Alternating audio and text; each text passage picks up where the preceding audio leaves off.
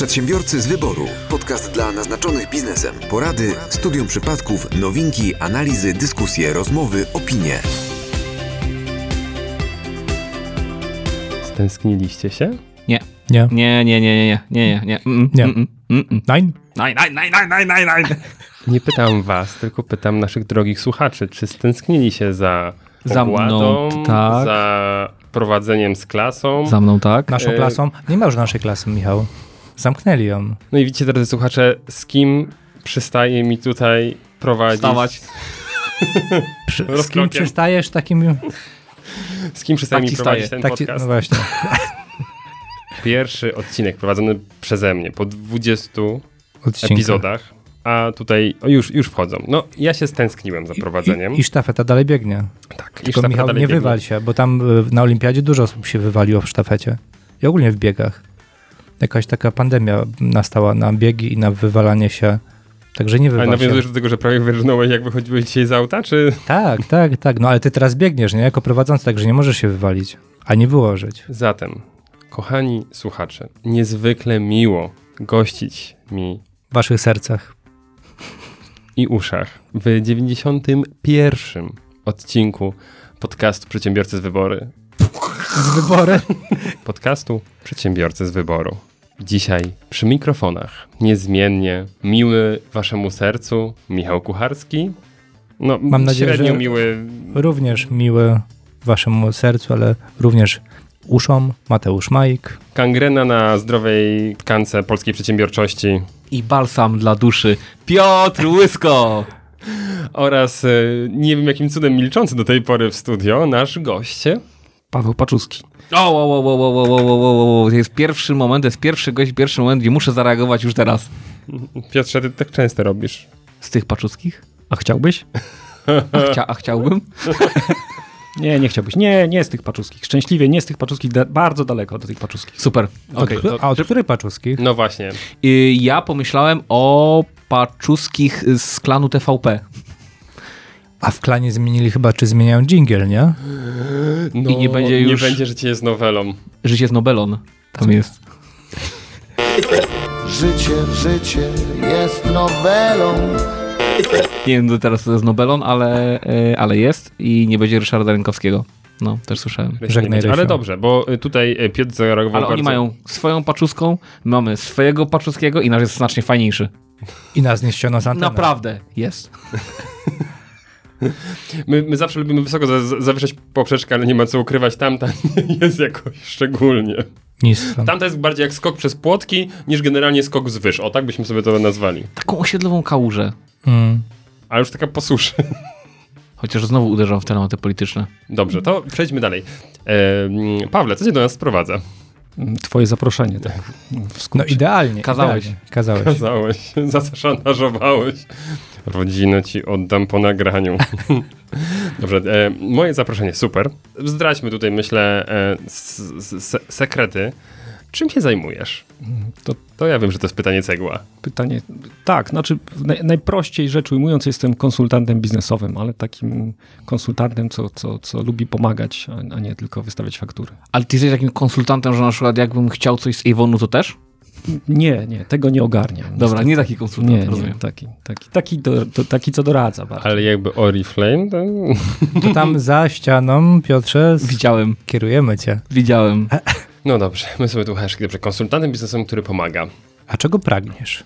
Jejku, nie, no Mateusz, proszę cię, no to, to mój odcinek, a ty mi się tu wywrywasz z jakimiś pytaniami, no, takimi no, coachingowe, brednie i... To nie są brednie. To jest nawiązanie do serialu, mój drogi. do Lucyfera, no Do ale Lucyfera.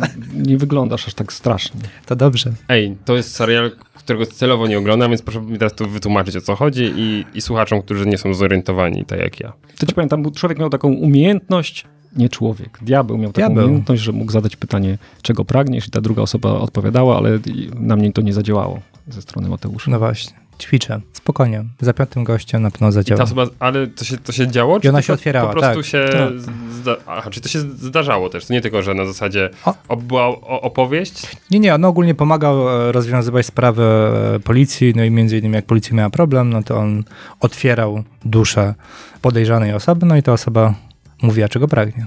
Ale to było, taka, to było takie otwarcie duszy jak to, że najszybsza droga do serca mężczyzny to jest generalnie nóż przez klatkę piersiową, czy to było takie otwarcie duszy metaforyczne? To było takie metaforyczne. Mhm. No i ta osoba ci mówiła, czego pragnie. Tak była w hipnozie. Dobrze. Okej. Dobrze, to yy, Czego pragniesz? czego pragniesz? Zaczęła odpowiedź. Dobrze, to już wiemy, że jesteś konsultantem biznesowym, ale trochę szerzej nam o tym opowiedz.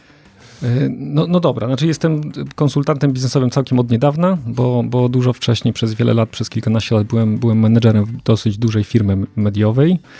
E, em, I zajmowałem się różnymi rzeczami, ale generalnie zawsze kręciło mnie, mnie okolice różnych modeli biznesowych.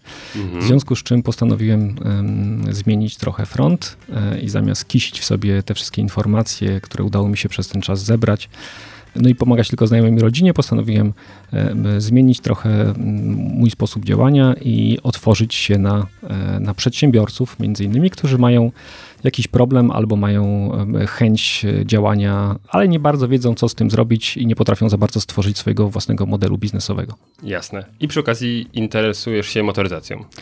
Tak, motoryzacją się interesuję przymusu trochę, znaczy e, poza tym, że miałem prawo jazdy, to, to rzeczywiście byłem menedżerem, który prowadził między innymi, e, e, był szefem całego takiego pionu motoryzacyjnego w tej firmie mediowej. Autoświat, te sprawy. A widzisz, a ja myślałem, że to, to już wiem, dlaczego mowa o silniku wzrostu. No tak, zawsze te, te rzeczywiście te, te, te, nawiązania, myślę, że do tego będziemy sobie gdzieś w, dalszej części nawiązywać, się wyjaśni o co chodzi, ale tak, si- silnik to jest, e, to jest rzeczywiście fajna sprawa, a silnik biznesowy to jest coś, co, co jak ja nazwałem, mm, własny szablon modelu biznesowego. Dokładnie. I to, dlaczego to jest lepsze, a może i nie, niż jakieś biznesplany albo inne modele, sobie porozmawiamy, myślę, że w drugiej części. I wtedy troszkę też zdradzimy jak researchowaliśmy cię. I, i, i zobaczymy dalej. Dobra, już się boję. No, to bardzo dobrze, no bardzo dobrze. Strach jest najlepszym motywatorem, prawda? Do przy przesłuchaniach, prawda Piotrze? Absolutnie, No potwierdzam. właśnie. Jedynym. Tylko strach. Powiedział mecenas Piotr Łysko. Przedsiębiorcy z wyboru. Podcast dla naznaczonych biznesem. No dobrze, drodzy panowie, to co tam dla nas e, dzisiaj e, przygotowaliście za newsy? To ja pierwszy. A proszę, jak się wyrywa. Nawiązując do ostatniego naszego odcinka, uwaga, mamy pierwszą ofiarę Polskiego Ładu. Wiem, panią Annę. Pani Maryla? Rodowicz chyba. Nie no, pani Ania. Jaka? Pani Anna Kornecka. A, Jeszcze Polski Ład nie wszedł, a już mamy ofiary. Jeszcze Polski Ład nie to już mamy ofiarę. Po prostu powiedziała to, co ślina jej przyniosła To na wszyscy wiedzą. co wszyscy wiedzą, że to nie jest w interesie polskich przedsiębiorców. I spakowała swój kartonik jak w amerykańskim filmie. I stało się z nią- karton i paprotka. Nie? Karton i paprotka i tup, tup, tup, tup, tup, tup. nie ma już jej w Było, rządzie. było zdjęcie? Było zdjęcie z, ze strony internetowej. Tak. E, Jej nazwiska. To jest to. Ona zrobiła to, co po wprowadzeniu niektórych rozwiązań Polskiego Ładu zrobi większość polskich przedsiębiorców. Tup, tup, tup, tup, tup. Od- A dokąd tup ta nocą jesz? Do Czech. Teraz już wiesz, że tak zaimprowizuję. Dobrze. To jest ciekawe, bo od, naszej ostatniej dyskusji na temat e, Polskiego Ładu zdążyłem już z dwoma osobami ten temat em, przegadać, ale, ale, ostatnio co na, nagrywaliśmy, tutaj to odległość musicie, drodzy słuchacze, słuchacze, wiedzieć między odcinkami nie jest długa. Mój dentysta jest przerażony, bo jak osoba... Ty jest przerażony, jak otwierasz buzię. Tak. Bo Cokolwiek byś nie powiedział. Osoba rozliczająca się na liniówce. jak sobie policzył, to dla niego to jest po prostu horror. w Bla... No właśnie, widzę, że nie tylko on. Tak, tak. No, no, fantastyczna wiadomość będzie, fantastyczny rok następny. Nie, no, miejmy nadzieję, że nie. Że Czyli tutaj... jednak spółki. No właśnie, a druga informacja jest taka, że. I teraz ja mam duży problem. Czy mówić o tym głośno, czy Ale nas nie słuchają oni. nie? Myślisz, że nie? Bo wiesz o co chodzi. Ostatnio mówiliśmy o tym, żeby nie mówić głośno o waloryzacji 500, to nagle się pojawia 800 będzie. Będzie waloryzacja. I już. A Dobrze, już jest no. pomysł, już jest pomysł waloryzacji Polskiego Ładu? O to ile będą musieli, wiesz, zmieniać tych naklejek, tych flag, tych... Mm, to zbyt dużo kosztów. A, nie nowy program to będzie. Dobra, nieważne. A druga ym, sytuacja właśnie dotyczy spółek. Tam y, wynagrodzenie zarządu też będzie już y, objęte składkami zdrowotnymi przypuszczalnie. Przypuszczalnie, ale to już zgodnie nie... z projektem. Mhm. I nie będzie stanowiło kosztu spółki. Żart, żarcisz. Chciałbym. I tu właśnie dlatego zawiesiłem głos, bo jest jeszcze, zostaje furtka drobna w prawie pod tytułem właśnie prokura i, i, i wynagrodzenie z, tej, z tego mm, tytułu. Chociaż nie, przyznam, przyznam jest szczerze, że nie, nie- jestem pewny tego ostatniego, ale tak mi się wydaje. Tak? Także od razu mówię jakby, jak będzie trzeba, oczywiście zrobię dementi, ale, ale tak mi się wydaje, że to też nie, nie zalicza się To już koszty, zrób sobie i wiesz, dogramy. w koszty spółki. Zrób sobie memento. No. To. Jakby nie było, e, tak, to przypuszczalnie wynagrodzenie z spółek e, tylko prokurenta zostanie takie, do którego nie jest wprowadzana składka zdrowotna. Ale w ogóle księgowi są też wściekli i też jest No właśnie. głośno o tym, nie? Pod względem dat, czyli super, że wszystko pozmieniali, ale nie zaktualizowali dat e, związanych z płatnością składek. No tak? oczywiście, Czyli bo uzależnienie opłacania składek zdrowotnych od dochodu powoduje, że oni muszą obliczyć miesiąc nie tak jak obecnie tam do 20, czy nawet czasami później, tylko do 10 miesiąca, tak? Bo wtedy należy odprowadzić. E, no wcześniej nie składki. było z tym problemu, bo tak naprawdę składka była stała, nie? Dokładnie. A tutaj, no, a, a w ogóle najśmieszniejsze jest to, i to jest, to jest hicior. Jestem ciekawy, czy to, czy to się zmienia, bo przecież faktury możesz Do 14 do, dni. do, do 15, czy do 15 do, nawet. do połowy miesiąca za miesiąc ubiegły, prawda? Czyli wystawisz fakturę, a już 5 dni wcześniej tak, musisz musiał, zapłacić. musiałbyś wiedzieć. No to idealnie. Stary, no wszystko przerzucasz sobie na tamten kolejny, nie? Ale Gdzie, tak, gdzie widzisz problem, dokładnie. Są, znaczy, z, y, księgowi a i tak będzie trzeba zapłacić. będą mieli horror, naprawdę horror. Tam stowarzyszenie księgowi ble, ble, ble, tam, które zrzesza ogólnie Ble, ble, ble. te ble, ble, ble i y, tą, tą część przedsiębiorców wystosowało już jakiś apel, że to w ogóle, no to dla nich to jest masakra, że oni będą pracowali przez pierwsze dni w miesiącu po, tak po- po 20 godzin na dobę, żeby się wyrobić, a potem będą mieli generalnie wolne, no bo to, co sobie rozkładali na cały miesiąc, się okazuje, że muszą wyrobić do 10. Tam jeden taki duży error wyskoczył.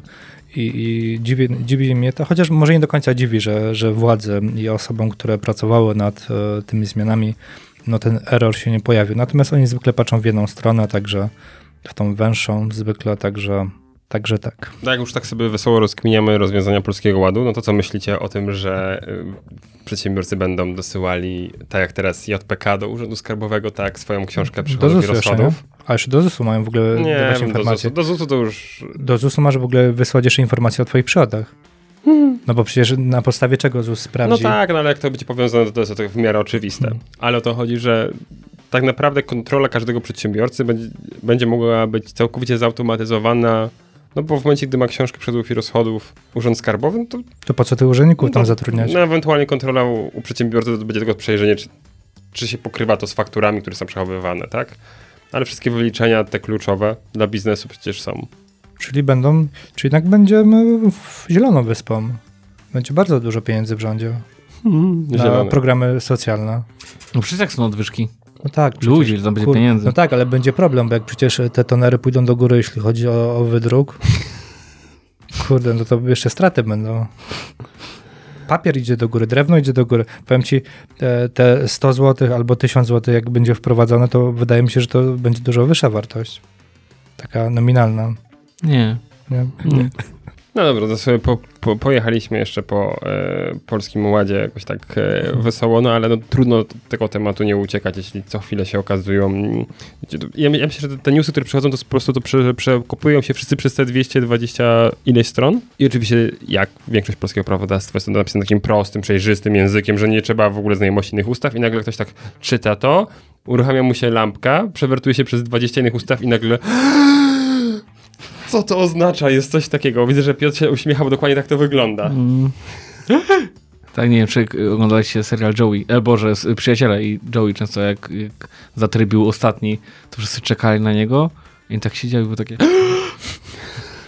No, tak, dokładnie tak. To są twarzy, twarz, Joey twarzą polskich przedsiębiorców, rozumiem. Przedsiębiorcy z wyboru. Podcast dla naznaczonych biznesem. Ja mam taką pozytywną informację z rynku. A to bardzo dobrze, zapraszamy. e, dotyczącą wzrostu sprzedaży detalicznej w Polsce. I patrząc e, na rok do roku, na, na szczęście e, rośnie cały czas. W chwili obecnej e, mamy tutaj w czerwcu takie dane z Eurostatu. E, Jest ona na poziomie 5,8% rok do roku, ale wydaliśmy oczywiście na te produkty i usługi, które kupowaliśmy 8,6% więcej. Jak myślicie dlaczego? Inflacja, nie? Mm, Także Skoro no, pan tak mówisz, no to nie będziemy się kłócić, no. jest inflacja, musimy o tym pamiętać. Natomiast e, fajna, fajna informacja jest taka, że mamy najszybciej rozwijający się przemysł pod względem e-commerce'u w Europie. E, Znowu, rok do roku wzrośliśmy, tym razem o 40 parę procent. Także e, no, bardzo szybko się rozwijają sklepy internetowe w Polsce i to taka informacja, ja wiem, że bardzo często to po, e, powielam tą informację e, w podcaście, ale jeżeli ktoś z Was prowadzi biznes, gdzie jeszcze nie pojawia się w internecie, gdzie jeśli sprzedajecie produkty, nie wykorzystujecie e, e-commerce'u, to może to jest, znaczy moim zdaniem to jest najwyższa pora na to, żeby się zastanowić i żeby wprowadzić swój biznes również do, do internetu.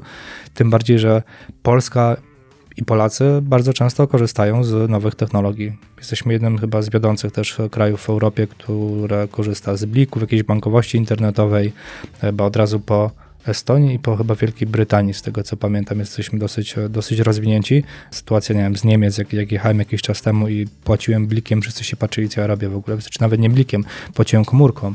Po pierwsze powiedzieli, że no tutaj akurat w tym sklepie można zapłacić, ale zwykle nie da się zapłacić komórką zbliżeniowo. NFC nie działa? Nie wiem, e, no bo mało osób z tego w ogóle korzysta, nie?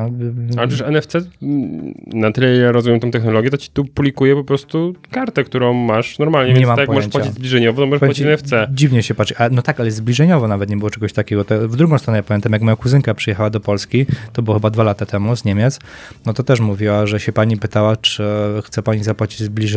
I ona tak się patrzyła na nią, ale, ale jak zbliżeniowo, o co chodzi? Tam to nie To funkcjonowało była jeszcze. propozycja, a kuzynka nie, nie odczytała jej w sposób E, należyty. ewidentnie, ewidentnie. No, tęczowa rewolucja. No dobrze. E, A druga uzupełniająca informacja odnośnie Allegro. No bo Allegro e, jak najbardziej rynek e-commerce e, i padł rekord, jeśli chodzi o przychody grupy Allegro w, w drugim kwartale e, 2021 roku i zarobili, e, czy inaczej przychód, bo to oczywiście nie był dochód, przychód wyniósł miliard 300 milionów Rekord, nie? złotych. Prze, prze, przebili Tak. chyba psy, taką psychologiczną granicę. To jest, Niesamowite. to jest ich rekord. E, oczywiście ba, większa część to tak naprawdę to jest e, obrót związany ze sprzedażą produktów e, znajdujących się na Allegro, no ale między innymi dzięki temu, że, że był ten rekord, no to również rekord samego dochodu się pojawił e, związany z reklamami, z usługami, z kwestią związaną z procentem, który trzeba było tak naprawdę oddać za, za też sprzedaż nie? na Allegro, także gratulujemy. Prędzej mogę, tak, mogę tak w kontrze z Wielkiego Świata? Proszę, taki, mam takiego newsika. Proszę, proszę. Taki, taki newsik, słuchajcie, że Wielka Piątka, nie wiem czy kojarzycie te Big Tech, tak zwany, Mhm. pięć wielkich firm, to słuchajcie, to cztery, e, cztery z nich, e, Apple, Microsoft, Alphabet i Facebook, e, w drugim kwartale 2021, tak jak, tak jak ty Mateusz powiedziałeś, miały przychody wyższe od oczekiwań analityków, generalnie, to jest ok, a trzy z nich, Alphabet, Apple, Microsoft, em, podwoiły swoją wartość, warte są teraz 6,5 biliona dolarów. I zarobiły w, e, ile mówisz, miliard, Miliard 300 300. allegro w złotych polskich, Tak. no to, to Alphabet, Apple i Microsoft w drugim kwartale, czyli porównywalny ten sam, ten sam czas, zarobiły 50 miliardów dolarów e, w tym samym momencie. Prawie jesteśmy a- zieloną wyspą. a- Amazon, Amazon trochę przycieniował, wiecie, bo tam z tej piątki akurat on nie, bo, bo w drugim kwartale miał przychody 113 miliardów dolarów, a analitycy, Słabiaki. analitycy spodziewali się 100, 115, więc, więc co prawda 27% więcej niż w tamtym roku, ale jednak analitycy powiedzieli, że to słabo. Obniż, obniżą rating. Tak, są, Tak. generalnie są zaniepokojeni, bo nie spełnił oczekiwań em, pod względem przychodu. No tak, ale już ten CEO, który był CEO, już nie jest tym No CEO. właśnie, my o tym mówiliśmy, że, C, że Jeff, e, Mateusz, twoja petycja chyba tam doszła w końcu, nie zmienili w końcu tego CEO, wywalili go. Tak, no, ale pisałem do nich pięć razy. W różnych językach. Bo Mateusz, e, my musimy to wszystkim gościom tłumaczyć, jest mm, antyfanem, fanem. anty, antyfanem Jeffa Bezosa. Ale to tylko To dlatego, że nie chyba- dał na lasy to w Ma- Mateusza, Australii. lubisz Luksemburg? E, lubię, ale jeszcze nie byłem. No widzisz, to bo Luksemburg jest tam taki, taki, taki fajny urząd, się nazywa ten urząd e, Luksemburska Narodowa Komisja Ochrony Danych. E, I oni, słuchaj, na Amazona nałożyli karę finansową teraz, niedawno, parę dni temu. E, 746 milionów euro za, za naruszenie słuchaj, przepisów o ochronie danych osobowych. O, pięknie. Amazon twierdzi, że, że, że żadnego RODO nie dotykał i że wszystko tam jest dobrze I, e, poczekaj, poczekaj, i że będzie się odwoływał. Widzę, że y, stolik tam przed, y, przed Mateuszem się podnosi. Ale co ciekawe, Ale radość. sie- słuchaj, sie- 700, 750 milionów, bo poprzednia kara była największa e, Google'a? dla e, Facebooka, chyba dla Google'a e, przez Francuzów Mhm. w okolicach 50 milionów euro, więc tu trochę więcej. Troszkę, tro, troszkę, troszkę to w górę jak najbardziej poszło. Zresztą, jak jesteśmy właśnie Przy karę? e, przy pozwach i karach, bo to jest e, fajny temat. Ja się chciałem odnieść przed chwilą do tego, co ty, Mateusz, mówiłeś. słyszeliście- Przypomnij swojego newsa? Słuchajcie, informacja, informacja z tego momentu, z tej chwili. Inflacja w Polsce tak szybko zapierdziela do przodu, że... e, Analitycy nie zdążyli na- Nie, że złoty medal polskiej sztafety już jest srebrny.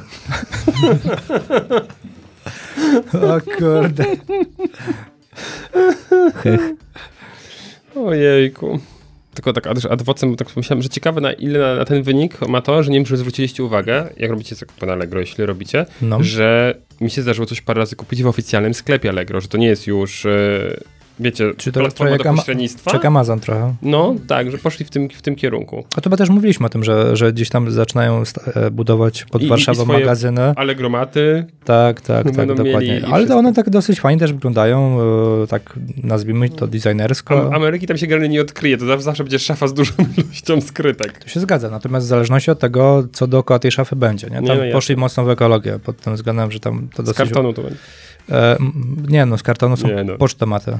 Nie, nie, nie, to, to jak najbardziej. Ale jeszcze odwołując się do, do tego porównania tych wyników, no jakby nie było Allegro się na razie wyprowadźcie mnie z błędu lub, ale ładnie się broni przed jakimś przejęciem i na razie jeśli chodzi o nasz polski rynek, no jest chyba największym graczem jeśli chodzi o e-commerce, prawda? Tak, bo ja wiem, że tam ktoś na nich ostrzył zęby jakiś czas temu, chyba eBay, ale w końcu eBay zdecydował się wchodzić na Polskę samemu, co nie wyszło za bardzo. Chyba zdecydowanie. W ogóle Amazon tak wchodzi do nas i wchodzi. Ale tak I, i, i, to, I to wchodzenie jest takie bardzo mm, lajtowe. No, no wszyscy się spodziewali, że, prawda, że wejście Amazona to będzie generalnie taki gate crash, generalnie kopem wejdą z kopa na polski rynek i generalnie, no to ludzie proszę, a tutaj Amazon wszedł i tak wszyscy... Ale to jest, ja myślę, że to jest taka bomba, która wiesz, było takie i będą takie Chyba, że się boją ułokiku i, i takich karn. Ej, a, dobra, to weź, wytłumaczcie mi to może, bo ja czegoś nie chwytam. Gdy, gdy ja wchodzę sobie na Amazona, to ja mam wrażenie, że ta strona była robiona tak z 15 lat temu. Macie też coś, takiego, że pod tym kątem user experience i em, budowanie zaufania poprzez po prostu stronę wizualną, stronę, to moim zdaniem to odstaje od tego, z czym się spotykamy obecnie w sklepach internetowych, czy nie? Czy to tylko, tylko ja mam takie wrażenie? Tylko znowu, pytanie jakby, znaczy nie wydaje mi się, że tak duży gracz będzie przygotowywał sobie zupełnie inne, nazwijmy to, szaty graficzne e, i w zupełnie inną, e, inną stronę pod rynek e, na przykład europejski albo polski, który jest małym rynkiem. Ale nikt nie mówi, żeby przygotować inną szatę graficzną. Ale dla Stanów Zjednoczonych Michał widocznie to jest ale, wystarczające. ale AliExpress lepiej wygląda. Dla świata to jest wystarczające To, widocznie. co jest skuteczne, nie zawsze jest piękne. No. No. Ale to znowu przykład e, choćby z naszych zachodnich sąsiadów. Nie wiem, czy bywaliście w jakichś większych galeriach, na przykład handlowych, e, natomiast porównując te galerie polskie, a galerie choćby w Niemczech, to jest duży przeskok pod względem wyglądu, pod względem jakości, pod względem, nie wiem, no właśnie user experience trochę w Polsce to naprawdę dobrze wygląda. Przedsiębiorcy z wyboru. Podcast dla naznaczonych biznesem. I jak porównujesz od razu, ale, ale mamy mosty teraz, to po prostu ja już nie wiem, my jesteśmy, gdzie jest dużo mostów? W Amsterdamie? Na pewno. My jesteśmy w We odcinku Wrocławiu również. Odcinek się będzie nazywał Amsterdam z powodu tej ilości mostów. Bo to, co ty mówisz i porównywanie tego, tego rynku idealnie nawiązuje do jednego z moich newsów, a mianowicie wiecie, dlaczego w Rossmanie w Niemczech są tańsze ceny niż w polskim? Bo tam mniej wydają na e, wygląd. Nie. Tłumaczenie oficjalne Rossmana jest takie, że polski klient oczekuje promocji, a niemiecki oczekuje stale niskich cen. I że w Polsce jakiś tam, nie wiem, y, było pokazane jakiś flakonik perfum kosztuje, nie wiem, 60 zł za 30 ml, mililitrów, w Niemczech kosztuje 60 zł za 60 ml, ale no w Polsce y, Nie- w Niemcy bardzo słabo reagują na promocje. Co nie? Jak się pojawia im sale minus ileś procent, no, to tak nie za bardzo. A w Polsce podobno Tłumy asortyment generalnie się. schodzi. Tak, o te karpie w Lidlu. wiecie, logika, a wiecie, no oni mają świadomość, że portfel niemieckiego klienta jest bardziej zasobny niż polskiego. No ale no, okazuje się, że na polskim rynku można spokojnie sobie jechać z wyższymi cenami, tylko co jakiś czas zwrócić pomocy i to się bardziej spina biznesowo. Bardziej zasobny, a w drugą stronę bardziej zamknięty. Widocznie Niemcy zwracają uwagę na co wydają pieniądze i nie kupują, raczej nie kupują od razu tak, wiesz, bardzo emocjonalnie. To jest mało em- emocjonalny naród. Nie wiem, nie, nie, nie chciałbym y, tutaj tak strasznie, strasznie uogólniać. E, Ale nie, to akurat mówię z, do, z, z doświadczenia i, i z tego, co też się uczyłem na europeistyce, bo mi, Tak? mieliśmy taki przedmiot, gdzie e, mieliśmy stosunki międzynarodowe e, i faktycznie przygotowywaliśmy się pod konkretne rozmowy biznesowe e, z różnymi firmami reprezentującymi, że tak powiem, różne style biznesowe. Tak? Niemieckie, jakieś, nie wiem, azjatyckie jakieś firmy i tak dalej. No i faktycznie tam tak trochę to tak wygląda, no. chyba, że się zmieniło. To, Ale ciekawy jestem, czy ktoś kiedyś na przykład właśnie zrobił badania pod tytułem, że Niemcy już mają to za sobą i powiedzmy u nich tego typu działania odnosiły skutek na przykład w latach 70. i już generalnie, no, wiecie, społeczeństwo się nauczyło, że nie podążamy za dużym napisem minus 50? Czy to jest bardziej coś, co wynika, tak mówisz, z jakiejś tutaj... No patrz, po, Polacy bardziej szukają okazji, Polacy bardziej kombinują, nie? To, to jest Takie- takie nasze... Mam Tak. to, I, i, I jesteś zadowolony, że znalazłeś okazję. Pytanie, czy tam, wiesz, tak też to wygląda. Wydaje mi się, że nie, no ale... U nas minęło dopiero jedno pokolenie, nie? 30 lat, odkąd y, pojawiły się jakiekolwiek promocje w sklepach, bo pojawił się jakiś towar w sklepach. Tak, wcześniej promocją było to, Wcześniej, jest wcześniej że coś, coś jest, więc, więc to jest jedno pokolenie, więc jeśli tam ci, mm, nie wiem, rodzice reagowali w taki sposób, no to teraz dzieci muszą się tego dopiero oduczyć. Mm. Wydaje mi się, że coś w tym jest. No, to, to może być kwestia dojrzałości gospodarki takiej nowoczesnej, wolnorynkowej, gdzie ten towar jest dostępny. A propos dostępności towarów, e, masakra, jeśli chodzi o terminy dostaw. Łysy masz towar? Zawsze. To dobrze. Wystaje ci z kieszeni, uważaj, żeby ci nie wypadł. A dobrze, ale wracając e, do, do mostu, bo to miał być most do, do kar, prawda? A wcześniej sobie zrobiliśmy jakąś tam kładeczkę w, w innym kierunku Allegro. To właśnie e, pozew e, zbiorowy przeciw e, Google w imieniu właśnie użytkowników Androida. I chodzi, to dla mnie jest ciekawe. I tutaj Piotrze bym trochę chciał też Cię pociągnąć, bo to myślę, że to jest taki temat. em, Nie ciągnij, proszę. Mm, Za mocno. Że, że ty lubisz się wypowiadać w imieniu wolności e, gospodarczej. A mianowicie chodzi o to, że nie podoba się tutaj Użytkownikom. użytkownikom, tak, że Google stworzył taki system, w ramach e, którego, jeśli dobrze pamiętam, 30% z każdej mm, z każdego ich, ich, ich przychodu, z każdej transakcji trafia do nich, prawda? No i że są monopolistą w Google Play, No i co? który jest ich prywatnym sklepem. No. No takie No dali nie, nie, widzę, nie widzę nic zdrożnego. Daj, dali sobie takie ceny i tyle, nie? No tak, no tak, ale no, jest to uzasadnienie, y, tutaj poz, osoby, które zrobiły pozew w ogóle dla mnie mm, to jest ultra dziwne, ale spodziewam się, że mm, nie wiem, czy to będzie to Komisja Europejska rozstrzygała i, i badała tą sprawę. Czyli problemem jest to, że y, Google w swoim sklepie robi to, co chce. Tak. Znaczy, Wiesz, wiesz, czy mi się to kojarzy? To mi się kojarzy z tym, nie wiem, czy pamiętacie, ale wegetarianie mieli kiedyś taki postulat, żeby w każdej restauracji przynajmniej jeden, była możliwość zjedzenia przynajmniej jednego posiłku jakiegoś e, Wegetariańskiego. wegetariańskiego. I nie wiem, czy wiecie, co się stało. W kontrze do tego Stowarzyszenie Mięsarian y, złożyło wniosek i strajk, że w każdej wegetariańskiej knajpie powinien być dostępne coś mięsnego. To, to takie coś mi się kojarzy. Symetryzm. Nie, a, a każdy może robić co chce. No ludzie, no, no, no. Czy ten monopol, czy to jest monopol energetyczny, czy to jest monopol jakiś państwowy? Nie, no. Ten sklep to jest własność czyjaś i robi sobie tam co chce. ale powiem wam, ten pozew doskonale mi przypomina to, co się działo z Windowsem i pamiętacie y, przeinstalowaniem przeglądarki tam. Tam też ludzie mieli, że e, jak to na Windowsie jest wasza przeglądarka Explorer, zainstalowana, nie? Explorer był instalowany. No i tu jest dokładnie to samo ceny, że um, A dostali za to karę. Microsoft dostał karę tak, za no i właśnie o co chodzi? Jejku, no nie podoba ci to, nie korzystaj z tego systemu, tak? Sam wybierz inny, no. A korzystacie, no to Możesz też skorzystać z innego sklepu, no bo Samsung ma swój sklep, w którym możesz, może bierze mniej, no. może tak, no ale właśnie Z kolei Apple na pewno bierze więcej w swoim sklepie prowizji. To, to akurat jest pewne. no, nikt nie ma wątpliwości, ale no właśnie zastanawiam się, czy instytucje, które no mają chronić, tak, zdrową konkurencję, nie wiem, czy tam się nie rozminęło trochę takie rozumienie wolnego rynku i w jakim kierunku to zmierza, tak? No bo te instytucje nie przestają chronić wolny rynek, a zaczynają chronić innych na siłę, wrzucając, starając się ich wrócić do tego wolnego rynku. W wolnym rynku wszyscy powinni się od, od, od, odnajdują się najlepsi, najwięksi, najlepsi z różnych względów.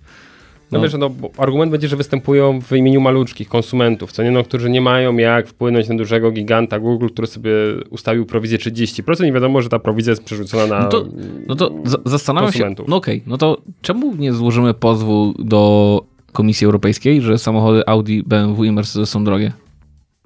To za drogie. To na pewno.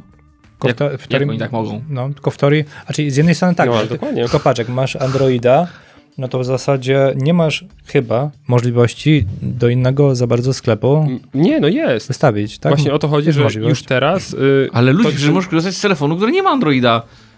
To Ale jest nie, jedno. to chodzi... Ale nie, nie, Mateusz, bo to, co ty No. mówisz, y, jak najbardziej, ale y, Bo- bo- To, to jest coś, co się w ostatnich latach rozwinęło, bo faktycznie parę lat temu tego nie było. Teraz Huawei ma swój jakiś tam Tak. sklep, ja z niego nie korzystam, ale, ale jest. Mówi, że Samsung ma swój Tak, też. tak, oczywiście. No. I tam cały czas jest Android, rozumiem, tak? Tak, ja tak, nie jestem tak. użytkownikiem Androida, także... I, I możesz się znam. aplikację bezpośrednio, tak Okej. jakby od innego dostawcy. Okej, no tak? to super. Jak się tak da, no to faktycznie wtedy to oni nie, nie są monopolistą. Nie gorzej jakby była sytuacja taka, że tylko w jednym, bo to ja rozumiem, że to chodzi o twórców, tak? Czy ktoś jako twórca stworzy jakąś aplikację, wrzucił ją do sklepu, no i im się nie podoba polityka sklepu, że za dużo kasują pieniędzy, tak? Czy za, zabierają prowizji za, za moją aplikację. No i jeśli by nie było innych miejsc, gdzie bym mógł tą aplikację sprzedawać, no to być może pod względem biznesowym po części mają rację, z mojego punktu widzenia. Chyba, że Michał to o co innego chodzi i nie chodzi o, o aplikację i, i ściąganie, płacenie za aplikację, tylko chodzi o wszystkie transakcje, które w ramach tej aplikacji przebiegają. Czyli jeśli ściągniesz sobie jakąś aplikację, a potem abonament będziesz chciał w tej aplikacji też. zrobić, no to, to, to również przychodzi wtedy No, przez, Google Play, Google prawda? Play tak? No, I, tak, Mhm. tak. I oczywiście Google bardzo nie, nie, nie, nie, nie pozwala e, robić tego poza e, swoim ekosystemem. No bo wywali aplikację Pod względem bezpieczeństwa, nie? i- Pod Uzasadniając. względem biznesowym raczej. Mhm. Ale uzasadniają biznesowo, czy na zasadzie Nie, bezpie- nie, znaczy bezpieczeństwo nie ma problemu, no bo Mhm. mógłbyś sobie na dowolnej stronie wykupić abonament i było ok. Wydaje mi się to czysto, czysty biznes. Mhm. Okej. Mm, Myślę, że jak najbardziej tak. Jakby nie było, pozew w, jest w wysokości 920 milionów funtów. Także przebijamy się w górę ostro, jeśli chodzi o kwoty. Funt dalej, do, cóż, to aż prawda? Teraz jak nic będzie. No tak? No jak nie, panie. 5,5 było jakiś czas temu. Ja myślę, że jest blisko szó- y, y, szóstki. Sprawdzamy teraz. do- 5,34. Serio? Tak Tak, tanio? tak. Eee, to nie, to nie, to nie taki news dobra. No, Spadł, schodzi- spadł. Spadł. Schodzimy, schodzimy z tego newsa. Proszę bardzo. Przedsiębiorcy z wyboru. Podcast dla naznaczonych biznesem. A propos właśnie wolnego rynku, to dla mnie fajną sytuacją, jeśli komuś się to nie podoba, co robi Google, byłoby, pamiętacie case z mm, tym sklepem z grami Game, GameStop. GameStop. Y, To było to, to co y, mm, mikroinwestorzy generalnie podbili sztucznie GameStop. GameStop, prawda? No i tam była ta sytuacja, prawda, że mikroinwestorzy trochę zagrali na nosie dużej spółce, znaczy, po czym potem duzi tupnęli, pokazali, gdzie kapitał jest i, i dość szybko doprowadzili do tego, co chcieli. Ale no, no była ta walka, tak? I to był wolny rynek, jakby nie było. Dawida z Goliatem. Pamiętam, że wtedy bardzo Przy ładnie... udziale Robin Hooda jeszcze. Tak, tak, tak, dokładnie. No i tam akurat chodziło o rynek finansowy, tutaj wiadomo, mówimy o, o, o, o troszkę innym, mm, ale wolny rynek tam zadziałał, tak? I to, co mówiliśmy, to już nie była niewidzialna ręka rynku, tylko żelazna pięść, która walnęła w stół i wywróciła do, do, do, do nogami generalnie wtedy to, co się stało. Ale no, duzi mieli tam pa, drobny, mm, drobny poślizg ze startem i zdążyli zareagować. Delikatny szybko. pożar. Tak, no oni mieli Kurde, pożar. ale żeśmy się w ogóle rozwinęli na temat tego newsa, a ja mam kolejny, który jest super ekstra, ja muszę, muszę go ci powiedzieć. To powiedz. Dobrze, no to co, to kończymy w takim razie? Kończymy i Przechodzimy- przechodzimy do gościa. E, Przedsiębiorcy z wyboru. Podcast dla naznaczonych biznesem. No Odnośnie, dobrze, Piotrze, no. u- uzupełnienie. E, Kurczę, szkoda, że e, zabrakło nam niewiele, bo to jest odnośnie naszego poprzedniego gościa, w ogóle poprzedniego tematu szeroko, szeroko omawianego. W sensie, że piw? Paw? Paw. Wiecie, na którym miejscu jest Polska, jeśli chodzi o produkcję piwa? Na świecie? Nie w Europie. W UE, no dokładnie, w Unii Europejskiej. E, Strzelcie od 1 do 7. Jeden, dwa maksymalnie myślę. 4 albo 5. 4 albo 5. E, Na drugim miejscu. Ale trochę się zdziwiłem. E, Co mnie dziwi? Dwie rzeczy, zaraz wam powiem. Na Polskę, gdzie waży się 3,8 miliarda litrów e, rocznie, przypada 12% unijnej produkcji piwa. To bardzo dużo. Ale Polska jest na drugim miejscu. Niemcy? Nie jest pierwszym? niespodzianką dokładnie, że na pierwszym miejscu są Niemcy. Na drugim miejscu i oni mają 24% y, całego, całej Unii Europejskiej A gdzie Czesi? spożycia. Posłuchaj. Drugie miejsce Polska 12%. Trzecie miejsce Czesi. Hiszpania No co ty? 10%. Czwarte miejsce Niderlandy 8%. Piąte miejsce Francja 7%. Co? Tak. I dopiero po Francji na miejscu szóstym, tak? Raz, dwa, trzy, cztery, pięć, sześć. Czechy 6%. To co oni A na wina Rumunia. przynieśli? Nie. Popatrz, my trochę wpadamy w pułapkę. Ja, ja, ja też wpadłem w tę pułapkę i zacząłem się zastanawiać, ale moment, moment, moment. Przecież wszyscy Czesi piją piwo. Tak, ale wszyscy Czesi z niewielki ułamek Polski ciągle. Wiesz o co chodzi? Co do To wielkości? nie jest procentowo, jakby procentowo liczyć, e, ile na przykład w porównaniu do litrów wody przyjmujesz dziennie, że Czesi byliby na miejscu od 1 do 7. Ale niestety nie, to chodzi o, o spożycie. Nie dlatego, dlatego to jest to trochę zaburzone i nie chyba nie oddaje tego, co powinno oddawać, czyli na jakim miejscu w tym kraju i jak to jest istotne i ważne. Proporcji nie ma, nie? Proporcji, no, no także tak dlatego. Ale warto, warto powiedzieć, drugie miejsce. Ale wiecie, wiesz, że w sprzęcie AGD jesteśmy na czwartym miejscu na świecie pod względem eksportu. A, myślę, że kradzieży. Kradzieże AGD, że ktoś pralkę ci ktoś kiedyś zawinął? A Nie- sprawdzałeś, czy masz jeszcze w domu? A, nie. Tak, a, a nie zastanawiałeś się, czemu na przykład y, żona dzwoni do ciebie i pyta się, słuchaj, sprawdź, czy pralka chodzi. Sama ucieka. Okej. To było tak suche. Ale dobrze, że zapiłeś. To było tak suche. Ale rzeczywiście, ta- tam też nas Niemcy wyprzedzają, wiesz, są, są, są na drugim miejscu, e, ale na pierwszym miejscu są Chiny, co jest oczywiste. Ale a, bo u nas, bo u nas, my bardzo dużo sprzętu AGD kupujemy, bo on się ciągle ale nie kupujemy, eksportujemy. To jest eksport, no. eksport, czyli w ogóle takiej produkcji Jest światowej. import i eksport. Dobra, dobra, dobra, dobra, okej. Nie, więc najwięcej Chińczycy eksportują, No to oczywiste, potem Niemcy. Chyba wszystko, co jest elektroniczno-elektryczne. No, ale Niemcy już nie tak dużo wcale, bo tam chyba 11 miliardów, a Polska 7 miliardów. Wyprzedza nas trochę y, y, jeszcze, jeszcze podobno Meksyk, minimalnie, więc jesteśmy na czwartym miejscu, ale będziemy na trzecim ponoć. Meksyk? Meksyk. Skąd się Ale tam mają Meksyk? Z Meksyk. Meksykiem to żeś mnie zaskoczył, zaskoczył No prawda? Ale potem za nami są Włochy i Turcja. Turcji jakoś tak bym się bardziej Spodziewał. spodziewał. Że tak wyczuwałbym, że to jest taki...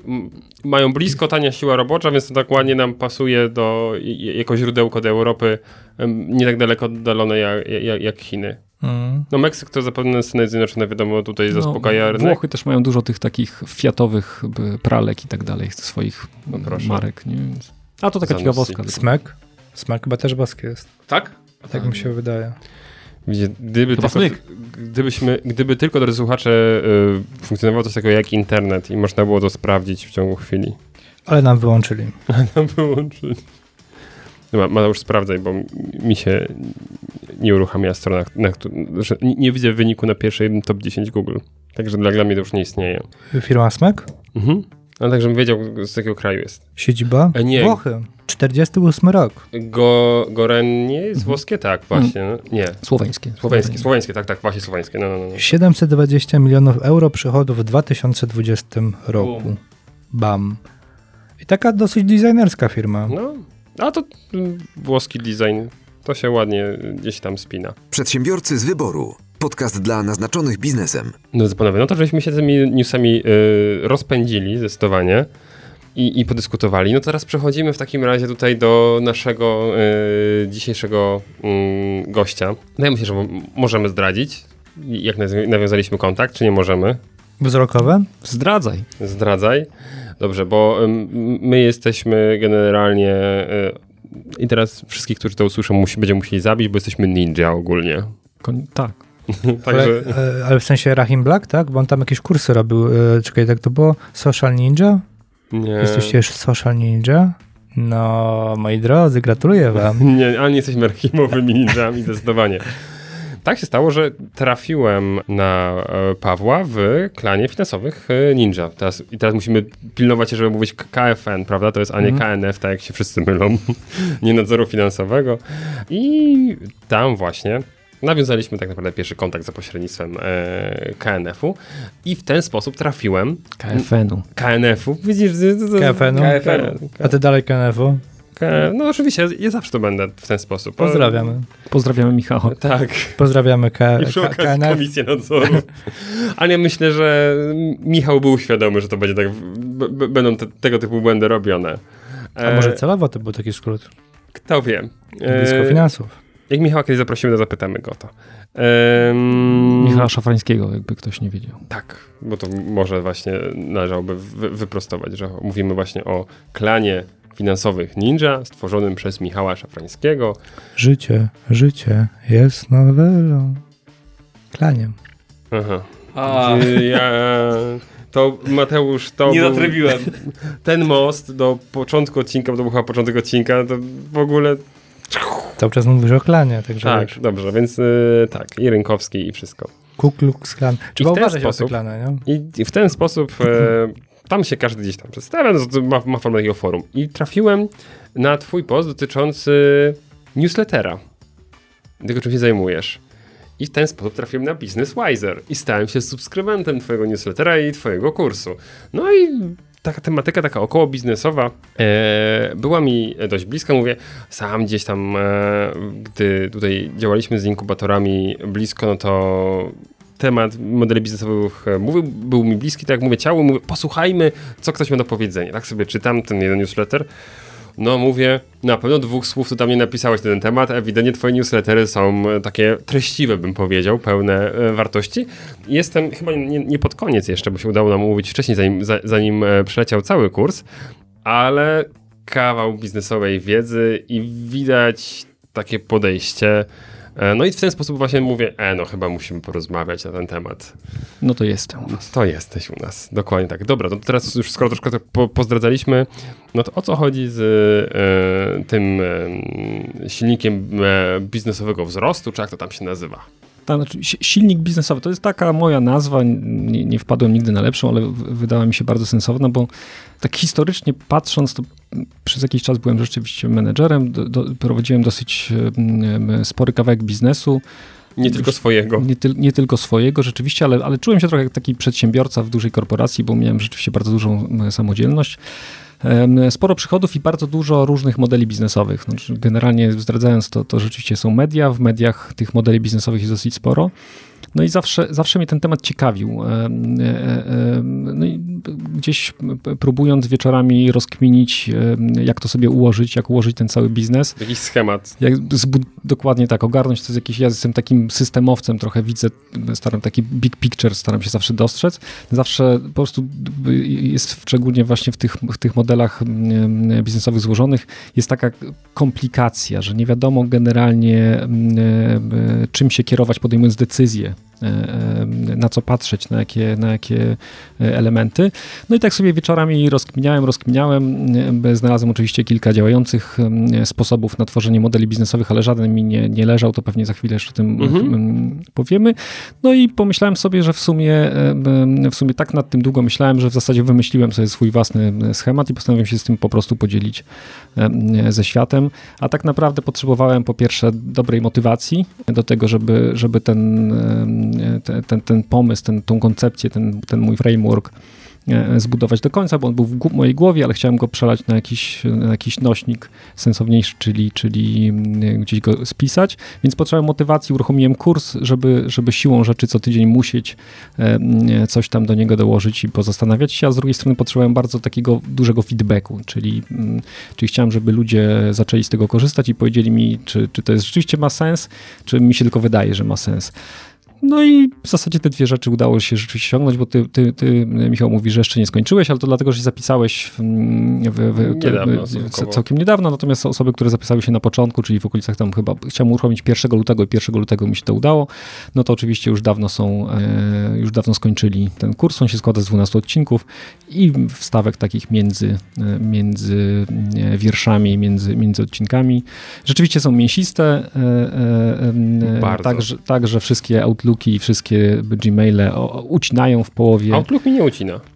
a to, to Dobry pl- Outlook. pl- plus dla, dla Microsoftu. Tutaj Gmail e, generalnie ucina, ale to tam można kliknąć i wszystko jest wyświetlone. No i tak, tak w skrócie. Nazwałem go silnik biznesowy, dlatego że, że model biznesowy to brzmi tak dziwnie, natomiast rzeczywiście model biznesowy to jest coś, co napędza firmy.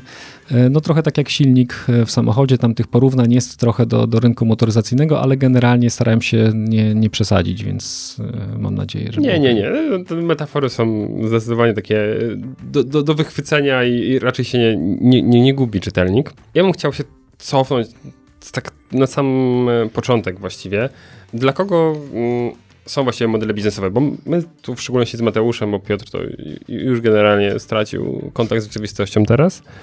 Często działamy z startującymi osobami na podstawie właśnie modeli biznesowych. No i pierwsze co powtarzamy, no to każdy, kto przychodzi e, gdzieś tam z biznesem, no to no bo biznesplan jest potrzebny. Po czym mówimy, nie, człowieku, to nie. Zgadzasz się, że biznesplan tak, tak. to taka przeżytek trochę już? Znaczy, wiesz co, to nie jest przeżytek, ale to jest coś, co powinno się robić rzeczywiście na samym końcu. To znaczy biznesplan to jest już ujęcie całego biznesu w, w cyferki, natomiast te cyferki skądś trzeba wziąć, więc w biznesplanie bierze się je z tak zwanego sufitu. E, Excel jest bardzo cierpliwym e, narzędziem, e, potrafi liczyć duże sumy i biznesplan, no biznesplan jest po to, żeby pokazać że, że mój biznes będzie miał się świetnie. Natomiast, żeby miał się świetnie, to najpierw ten biznes musi jakoś działać. Ten biznes działa na podstawie rzeczywiście modelu biznesowego. No, żeby tak uprościć, może taki model biznesowy to jest nic innego, tylko po prostu taki sensownie opisany, logicznie, czasem nawet wizualnie sposób zarabiania przez firmę pieniędzy przez firmę, która oferuje jakąś wartość jakim, jakimś klientom. Nie? Więc to tak najprościej to ujmując. No i ten biznes, dla mnie model biznesowy to było zawsze coś, co od czego się powinno w ogóle zacząć myślenie e, o biznesie e, dlatego że no, on pozwala, pozwala ułożyć sobie firmę, po, pozwala ułożyć sobie sposób, w jaki rzeczywiście będziemy osiągać e, przychody, gdzie będą koszty, jak będziemy konkurować na rynku z innymi firmami i przede wszystkim jaką wartość będziemy dostarczać i, i komu. Mhm. I jest taki stereotyp, o którym bardzo często z Michałem mówimy, czyli e, jeśli chodzi o model biznesowy, a w zasadzie tutaj bardziej o biznesplan, który chyba najczęściej jest tworzony przez osoby i kojarzony, że w ogóle coś takiego istnieje, że robimy albo na zaliczenie przedmiotu podstawy przedsiębiorczości, mhm. E, albo na otrzymanie dotacji z Powiatowego Urzędu Pracy lub od innego operatora. Przy czym tu już robimy dużą gwiazdkę, bo no śledzimy to, się zmieniają te wnioski i to, jaki tam progres został zrobiony, to jest naprawdę już sporo, że te wnioski to już nie są takie jak, nie wiem, 10 lat temu, że to naprawdę tam... Edukujemy też, e, tak, edukujemy. między innymi. E, no i trzy w momencie, kiedy oczywiście, nie wiem, pojawia się e, firma, kredyt jakiś w banku i to faktycznie pojawia się ten biznesplan, ale już z dużym nastawieniem na temat związany z analizą finansową. Nie? No konkretnej inwestycji, tak? Na Dokładnie. No i pytanie takie do ciebie, kiedy powinno się robić model biznesowy, który ty wdrożyłeś i dla kogo on tak naprawdę jest? Czy jest dla osób, które dopiero zaczynają, czy dla osób, które już prowadzą biznes? Czy to się powinno cały czas robić, czyli czy raz i odłożyć na półkę jak biznesplan? To takie powiązane pytanie. Mhm. Znaczy, pytanie jest bardzo dobre, natomiast rzeczywiście to jest trochę tak, że ten model, model biznesowy to jest po prostu sposób działania firmy, nie? więc tak no. naprawdę można go zrobić moim zdaniem na dwa sposoby. Po pierwsze, jeśli planujesz jakiś biznes, to dobrze jest od modelu biznesowego zacząć po prostu. Jeśli masz pomysł, masz fajny pomysł, jest, wydaje się, że ta koncepcja jest ciekawa, to rozpoczynasz właśnie od tworzenia takiego modelu biznesowego, czyli próbujesz złapać, e, co, e, w jaki sposób będzie wpływać, jakie zasoby są ci potrzebne, komu chcesz coś dostarczać, e, jak na tym będziesz zarabiał i tak dalej. No i to jest oczywiście dobry moment, e, żeby też weryfikować. Znaczy taki model biznesowy łatwo jest też zweryfikować, bo można go zderzyć po prostu z rzeczywistością e, albo robić, porobić proste testy, eksperymenty rynkowe i, i, i łatwo sprawdzić, czy on ma sens. No i to jest, to jest taki oczywiście wzorcowa sytuacja, w której masz pomysł na biznes, robisz, projektujesz sobie model biznesowy albo go przynajmniej dobrze opisujesz, e, weryfikujesz i dopiero wychodzisz na rynek. Na podstawie modelu też robisz biznesplan i wszystkie inne rzeczy, które są potrzebne do tego, żeby pozyskać na przykład inne pieniądze od inwestorów. Natomiast jeśli masz już funkcjonującą firmę, a nigdy w życiu nie, nie, nie opisałeś sobie dobrze tego modelu swojego biznesowego, no to dobrze to zrobić w dowolnym momencie po prostu, bo, to, bo, bo model biznesowy to jest trochę taki to jest, jakby to porównać, to jest trochę taka, wiecie, wiesz, jak instrukcja obsługi firmy. Znaczy ona, ona pozwala e, e, przede wszystkim podejmować łatwiej decyzje, no bo jeśli ktoś przychodzi do ciebie z jakąś koncepcją, to, to, to, to, to ty zawsze możesz zderzyć to z tym modelem biznesowym i powiedzieć, dobra, ale gdzie to się wpisuje w ten nasz model biznesowy? albo trochę pozwala uniknąć podejmowania złych decyzji przede wszystkim, bo no bo bardzo często podejmuje się decyzje pod wpływem jakichś tam emocji, pod jakiejś promocji, tak jak rozmawialiśmy o, o czymś innym. Ktoś cię namówi na jakieś, na jakieś reklamowanie się gdzieś i tak dalej, a to tak naprawdę nie ma sensu dla twojego biznesu. E, no bo, bo na przykład nie jest moja grupa docelowa. Bo na przykład to nie jest twoja grupa docelowa, albo na przykład nic z tego, znaczy dotrzesz do jakiejś grupy, ale, ale rzeczywiście nie, nie będziesz mógł na niej zarobić na przykład, mhm. jeśli do ciebie dotrą. Więc moim zdaniem są dwa rozwiązania. Pierwsze to jest coś takiego, że po prostu przy wpadaniu, masz jakiś genialny pomysł, pomysł rynkowy albo więcej pomysłów i tworzysz sobie e, tworzysz sobie mm, taki projekt, wypełniasz taki szablon modelu biznesowego i to ci naprawdę bardzo mocno ułatwia robić kolejne dokumenty i podejmować decyzje. A druga rzecz, jak masz już własną firmę, no i chciałbyś ją rozwinąć, chciałbyś pójść w jakimś kierunku, no to sobie mm, mapujesz te swoje, swój model biznesowy, żeby była też jasność, no firma może działać na bazie kilku modeli biznesowych, tak, które mogą ze sobą współpracować albo mogą być zupełnie niezależne. Mapujesz i też łatwiej e, ci jest podejmować pewne decyzje, łatwiej wprowadzać innowacje różnego rodzaju biznesowe albo jakieś takie efektywnościowe. Pewnie. A druga część pytania, no właśnie, biznesplan najczęściej, przynajmniej jak spotykam się z osobami, które e, go tworzą, czasami pomagamy e, z Michałem e, przy różnego rodzaju konsultacjach, to jest on robiony z jakiegoś konkretnego powodu, zazwyczaj jednorazowego, no i później dany pomysłodawca, przedsiębiorca o nim zapomina. Czy w modelu biznesowym powinno być tak samo? Wiesz co, nie do końca. Znaczy model biznesowy, wiesz, no to jest trochę coś takiego, że, że masz przepis na, na, znaczy możesz go powiesić sobie na ścianie, możesz o nim zapomnieć, ale zawsze masz jakieś, e, jakieś miejsce, do którego możesz wrócić po jakimś czasie. Ja jestem raczej zwolennikiem, żeby z tym modelem pracować cały czas. Nie? No, znaczy, przepis też można udoskonalać, nie? Do, jak masz na, na potrawę. Dokładnie tak. To, to, wiesz, nawet to jest dobre, taki, wydaje mi się dobrze powiedzieć tutaj, e, znaczy ja mogę odpowiedzieć na pytanie, przed czym dla mnie jest startup. Mhm. Startup jest takim takim przedsięwzięciem, które pozwala sprawdzić jakiś nowy model biznesowy na rynku albo jakieś ulepszenie starego modelu biznesowego. Nie? Więc, więc e, jeśli chcesz e, potem swoją firmę rozwijać, chcesz wprowadzać jakieś innowacje, chcesz zastanowić się, dlaczego tak ci idzie, a nie inaczej i jak zrobić, żeby było lepiej, no to wtedy sięgasz do tego modelu biznesowego i zaczynasz sobie go uzupełniać, kombinować, dodawać różne rzeczy pewnie. No a dwa, że sytuacja rynkowa bardzo często się zmienia, tak? Wchodzi jakaś mhm. konkurencja nowa, e, sytuacja rynkowa się też zmienia, no i wtedy też chyba warto zastanowić się, czy czegoś w tym modelu biznesowym nie zmienić.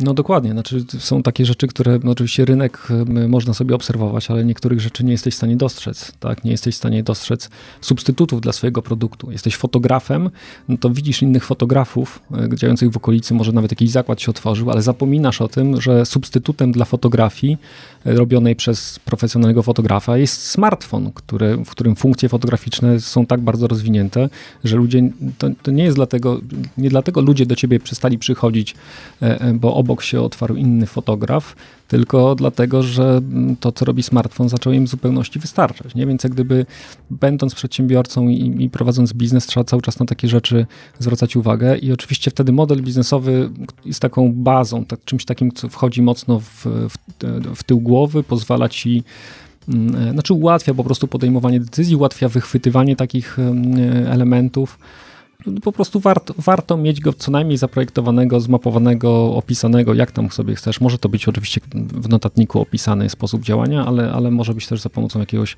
konkretnego szablonu, który, który jak gdyby ułatwia ci zrobienie tego modelu biznesowego.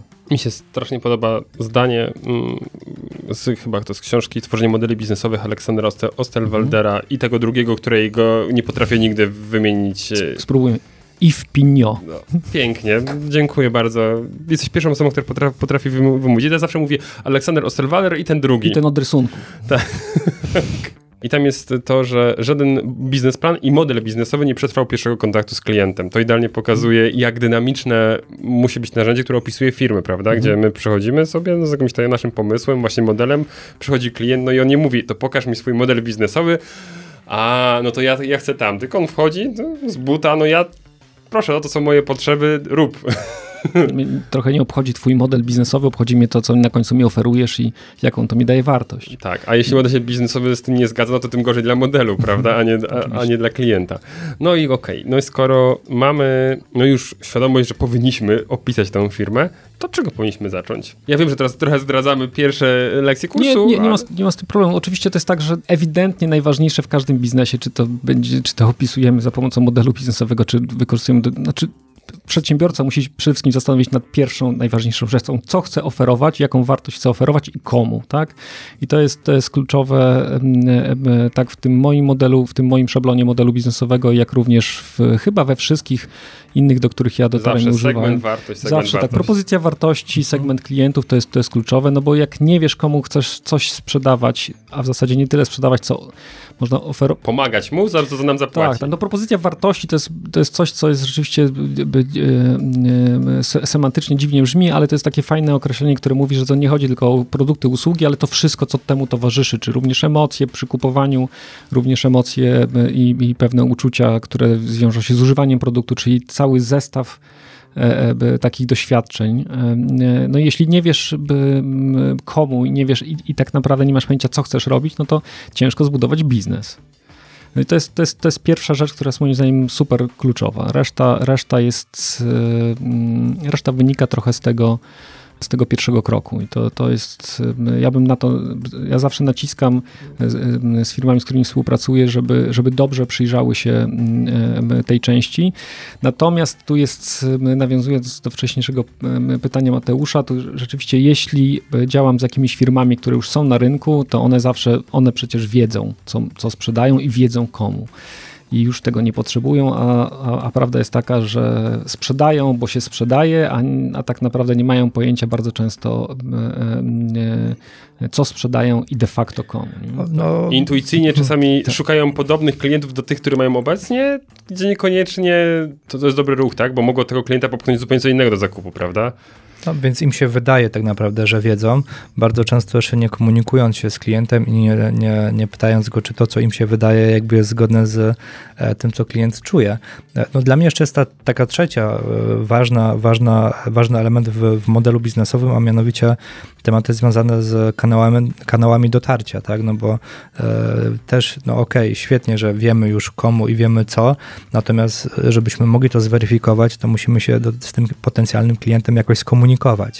No tak, no jest, jest, wrócę jeszcze do, jednej, do, do tego jednego, zaraz rzeczywiście Mateusz na to poruszymy ten temat, bo to jest moim zdaniem bardzo ważne, natomiast intuicja generalnie w biznesie to jest takie dobre narzędzie do stawiania hipotez, które potem warto jakoś weryfikować, albo, albo rynkowo, albo przynajmniej eksperyment, robiąc eksperyment myślowy, czy kogoś, kogoś, kogoś pytając o zdania. A rzeczywiście to jest tak, że ten mój em, schemat, on stawia na takie trzy filary, bazuje na takich trzech bardzo ważnych filarach w biznesie, czyli, czyli pozyskiwanie klientów, docieranie do nich. Drugi filar to jest ich monetyzacja, czyli można powiedzieć zamiana potencjalnego klienta w takiego realnego klienta, który rzeczywiście zapłaci.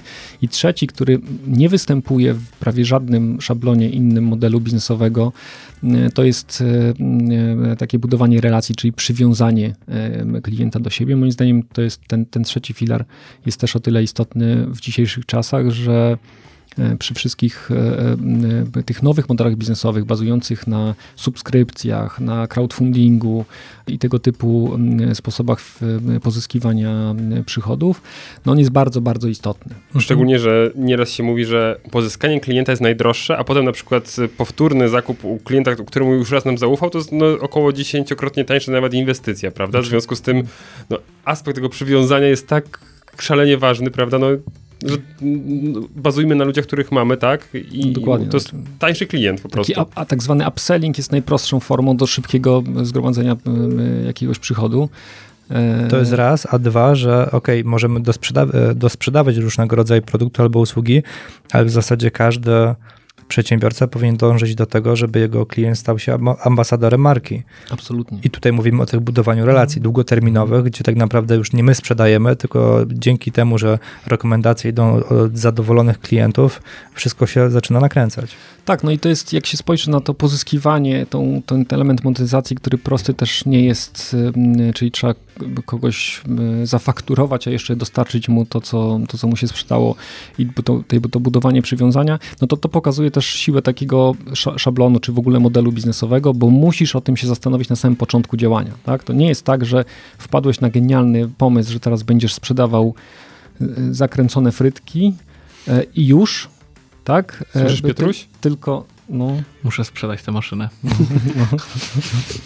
nie, OLX. tylko musisz na samym początku zastanowić się, ale to jaką ja relację zbuduję, bo, wie, bo wiesz, bo sprzedanie jednorazowo komuś czegoś jest dosyć proste, natomiast stworzenie sytuacji, w której ten człowiek kupi, będzie zadowolony i jeszcze poleci twoje usługi czy twój produkt innym ludziom, a jeszcze napisze opinię w internecie albo gdziekolwiek indziej, no to jest, to, to, to jest już bardzo trudne. I warto o tym pomyśleć na samym początku przy, przy, wymyślaniu swojego biznesu, ale to też jest dobre miejsce do tego, żeby mając własną firmę, żeby, żeby no, doinwestować tą, tę, tę część biznesu, bo to jest zawsze najmniej doinwestowana To- e, sprawa. Nie? Tutaj tylko drobną dygresję chcę zrobić i wejść wami z dyskusji. Ma, nie macie wrażenia, że firmy, które działają w modelu subskrypcyjnym, oni mniej więcej to wiedzą, bo oni Mhm. muszą utrzymywać w każdej chwili ten kontakt, no bo jak coś nie dowiozą, no to no do widzenia, koniec subskrypcji, odpinam kartę, no i skończy, skończyło mi się źródełko.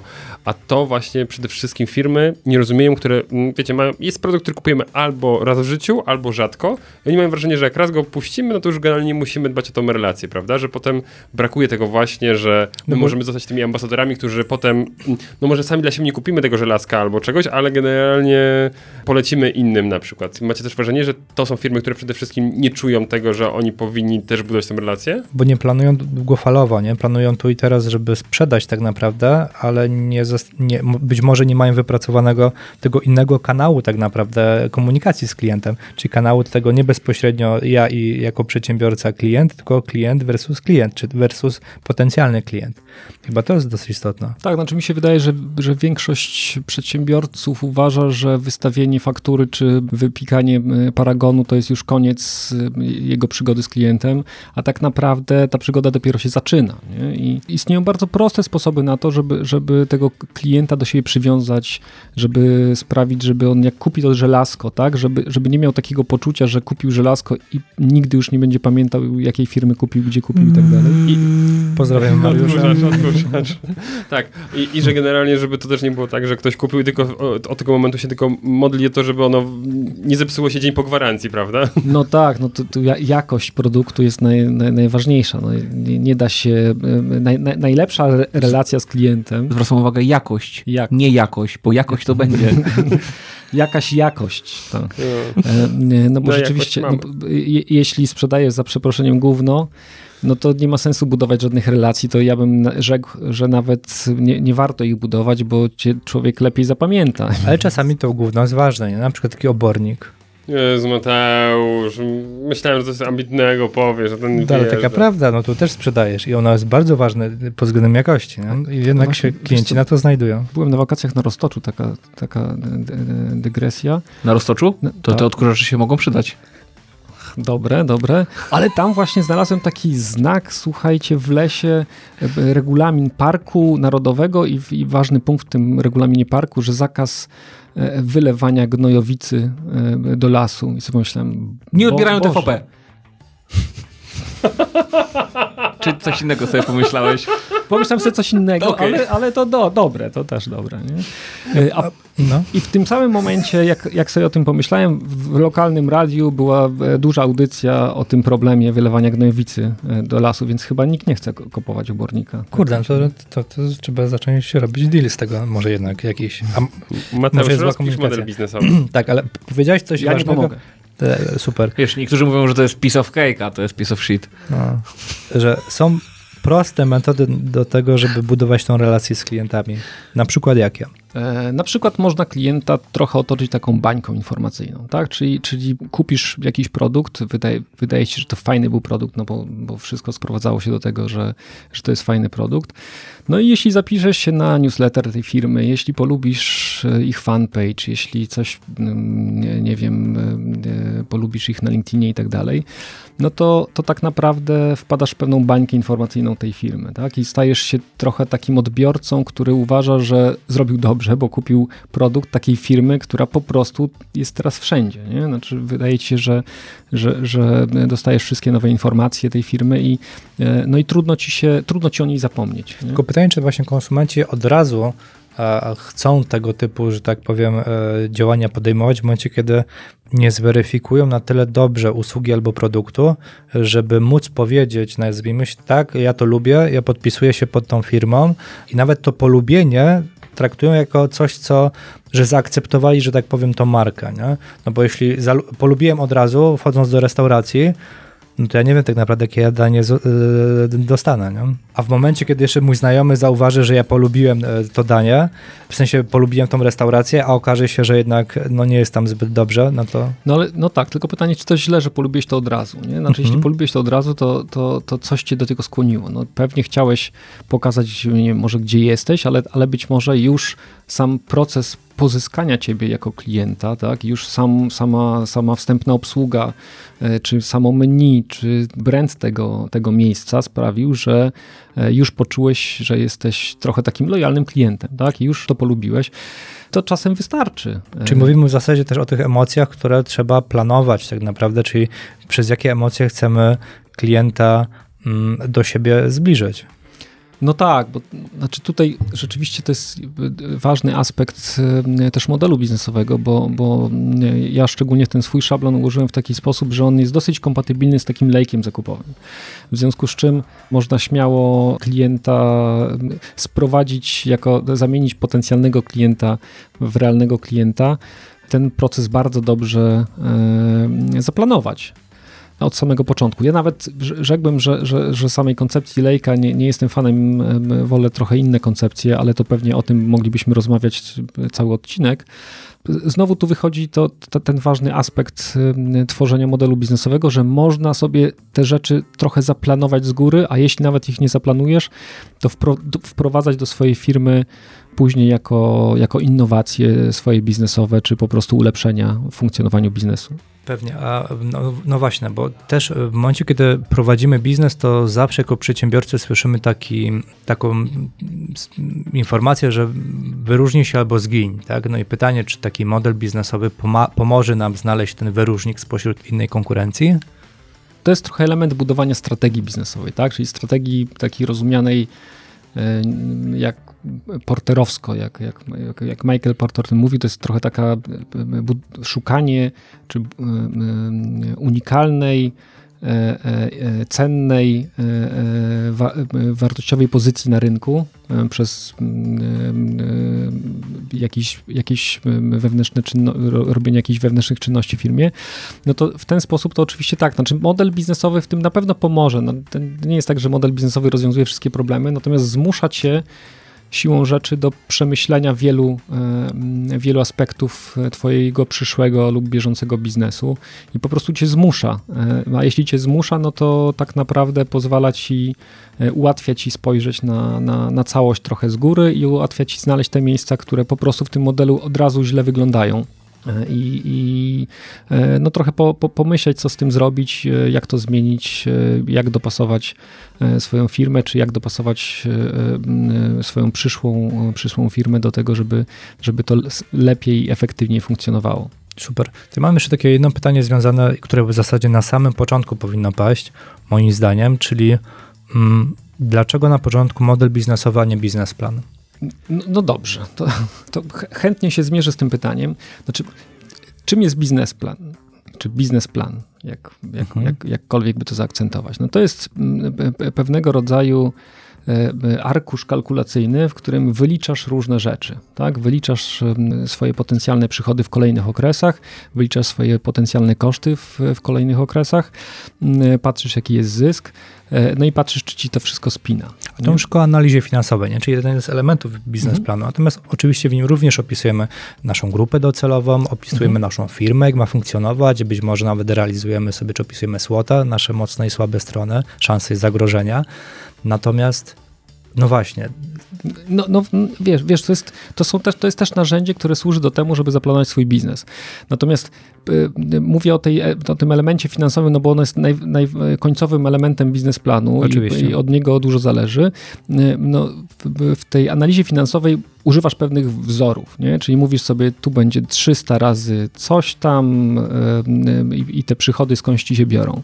I bardzo często z fusów. bardzo często z fusów. I, I, właśnie stworzenie modelu biznesowego, stworzenie modelu biznesowego ale być może również e, przetestowanie elementów tego modelu biznesowego pozwala ci znaleźć te formułki.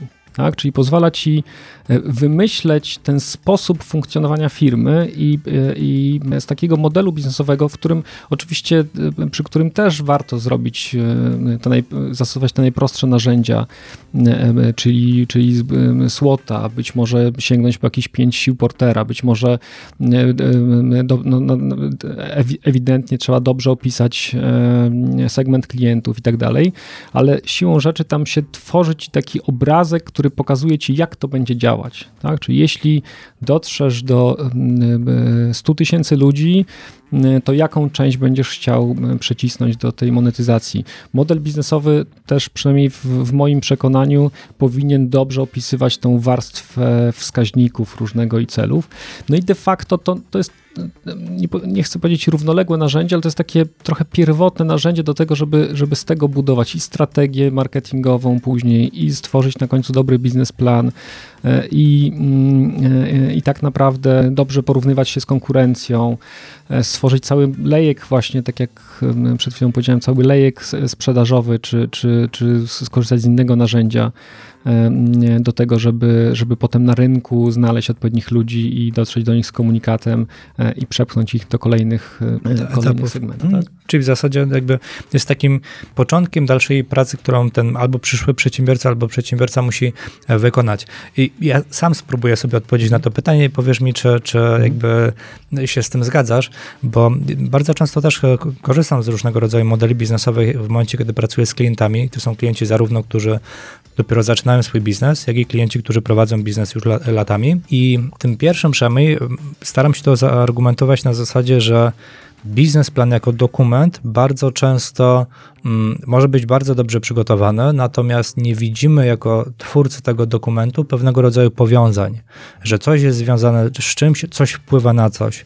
W modelu biznesowym zależy też od narzędzia i od e, tego, jaki to jest model biznesowy, ale dużo prościej wyłapać te pewnego rodzaju czynniki, które wpływają na coś w firmie i jeżeli coś wyłączymy, to coś innego też, że tak powiem, się wyłączy albo jakieś konsekwencje z tym będą miały. Mhm, dokładnie, znaczy wiesz, no, biznesplan jest takim liniowym dokumentem. Na kolejnych stronach piszesz o kolejnych Książką pewną tego. Taką książką, dokładnie. Model biznesowy, jeśli jest zorganizowany według jakiegoś takiego standardowego szablonu, czyli no, albo mojego silnika, albo, albo oczywiście jakiegoś szablonu biznesowego, Business Model Canvas, najpopularniejszy na rynku, właśnie profesora Osterwalde- Osterwaldera, o którym wspomnieliśmy, to tak naprawdę jest jedna kartka. Czasem A4 nawet wystarczy. E, I to jest, e, to jest jedna kartka, na którym widać całą firmę. Tak? Czyli bardzo łatwo znaleźć te, e, te powiązania pomiędzy poszczególnymi elementami, pomiędzy Twoim produktem, usługą, pomiędzy zasobami, e, pomiędzy partnerami, a pomiędzy mm, w przypadku mojego również kompetencjami i takimi przewagami rynkowymi. Opisać to jeszcze taką warstwą wskaźników, na co będziesz zwra- zwracał uwagę, e, jakie rzeczy będziesz monitorował, żeby, żeby sprawdzić, czy, czy osiągasz sukces, tak? czy dochodzisz powoli do sukcesu i cały czas mieć na górze jednak ten segment klientów i, te, i tą propozycję wartości, z której wynika, wynika wszystko. Więc no w tym sensie to jest taka, taka jednostronicowa, e, jednostronicowa instrukcja obsługi całego twojego biznesu.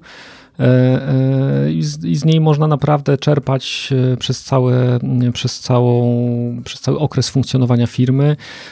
Oczywiście to jest też tak, że, że, że warto powiedzieć, że, że, że, że jednak model biznesowy nie powinien być pierwszy.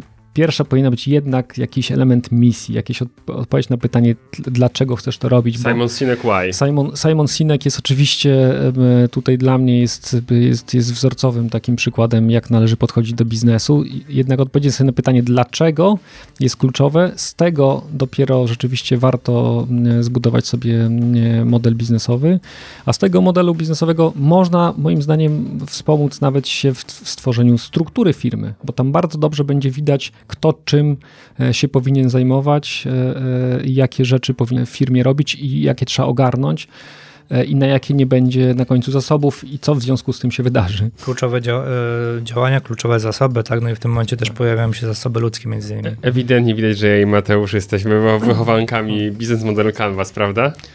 Ale to dobrze, wiesz co, ja, ja uważam, że ten model jest ok. Znaczy, y, y, ja, ja z y, tym Business Model Canvas Osterwalder mam tylko jeden problem. Ten problem jest jednocześnie mały, jednocześnie bardzo duży. Polega na tym, że biznes model Canvas prawie zawsze wygląda dobrze. Jak go stworzysz, prawie zawsze to wygląda dobrze. Wydaje się, że ten biznes jest, znalazłem pomysł na biznes ja miałem z tym parę takich przygód, że, że rzeczywiście na, na, na, na tym szablonie Osterwaldera e, biznes wyglądał naprawdę na ciekawy, interesujący, a później się okazywało, że nie, pomyśl, nie pomyśleliśmy jeszcze o tym, jeszcze o tamtym, e, a tu zabrakło spojrzenia na, na ten aspekt. W moim szablonie e, kiepsko zrobiony biznes wygląda, wygląda sam widać braki. Tak? Jeśli, jeśli nie zadbasz na przykład o, o ten element, sensowny element pozyskiwania, poszukiwania nowych klientów, mm, no to to będzie od razu na tym, na tym modelu widać. Tak? No co z tego, że stworzysz e, świetny produkt, e, czy świetną usługę, e, jeśli nie będziesz w stanie pokazać go potencjalnym klientom, tak? No to jesteś, jesteś w, nie wyjdzie z takiego startupowego garażu. Wtedy, no właśnie, tak? to są te czynniki, które wyróżniają biznes model Canvas od tego twojego modelu biznesowego. Czy jesteś w stanie na tyle, ile jest to możliwe, coś więcej o nich powiedzieć? Znaczy ja mam takie, takie wrażenie, niestety, biznes model Canvas powstał chyba, został opisany w 2010 roku, z tego jeśli dobrze pamiętam, ale powstał rzeczywiście na, na bazie wielu badań, rozmów z przedsiębiorcami, jakichś testów e, i mam takie wrażenie, że jednak łatwiej nim opisać taki biznes standardowy, rzekłbym taki dwudziestowieczny, tak? czyli biznes trochę produkcyjny, E, w którym rzeczywiście te kanały e, sprzedaży są istotne, dystrybucji, w którym są istotni, istotne zasoby, którym te, te, te strumienie przychodów i kosztów grają główną rolę.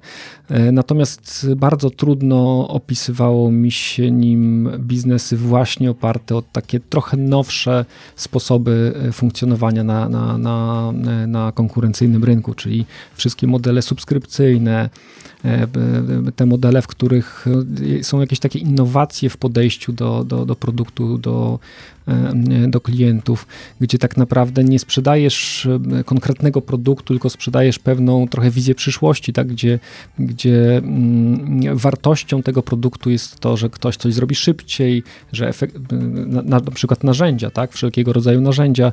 Moim zdaniem bardzo kiepsko się moim zdaniem e, na, na Osterwalderze robi, buduje modele biznesowe na przykład platform, tak? czyli takich, takich dziwnych biznesów, w których ty mówisz, ja daję miejsce, gdzie spotka się sprzedawca z klientem. Tak?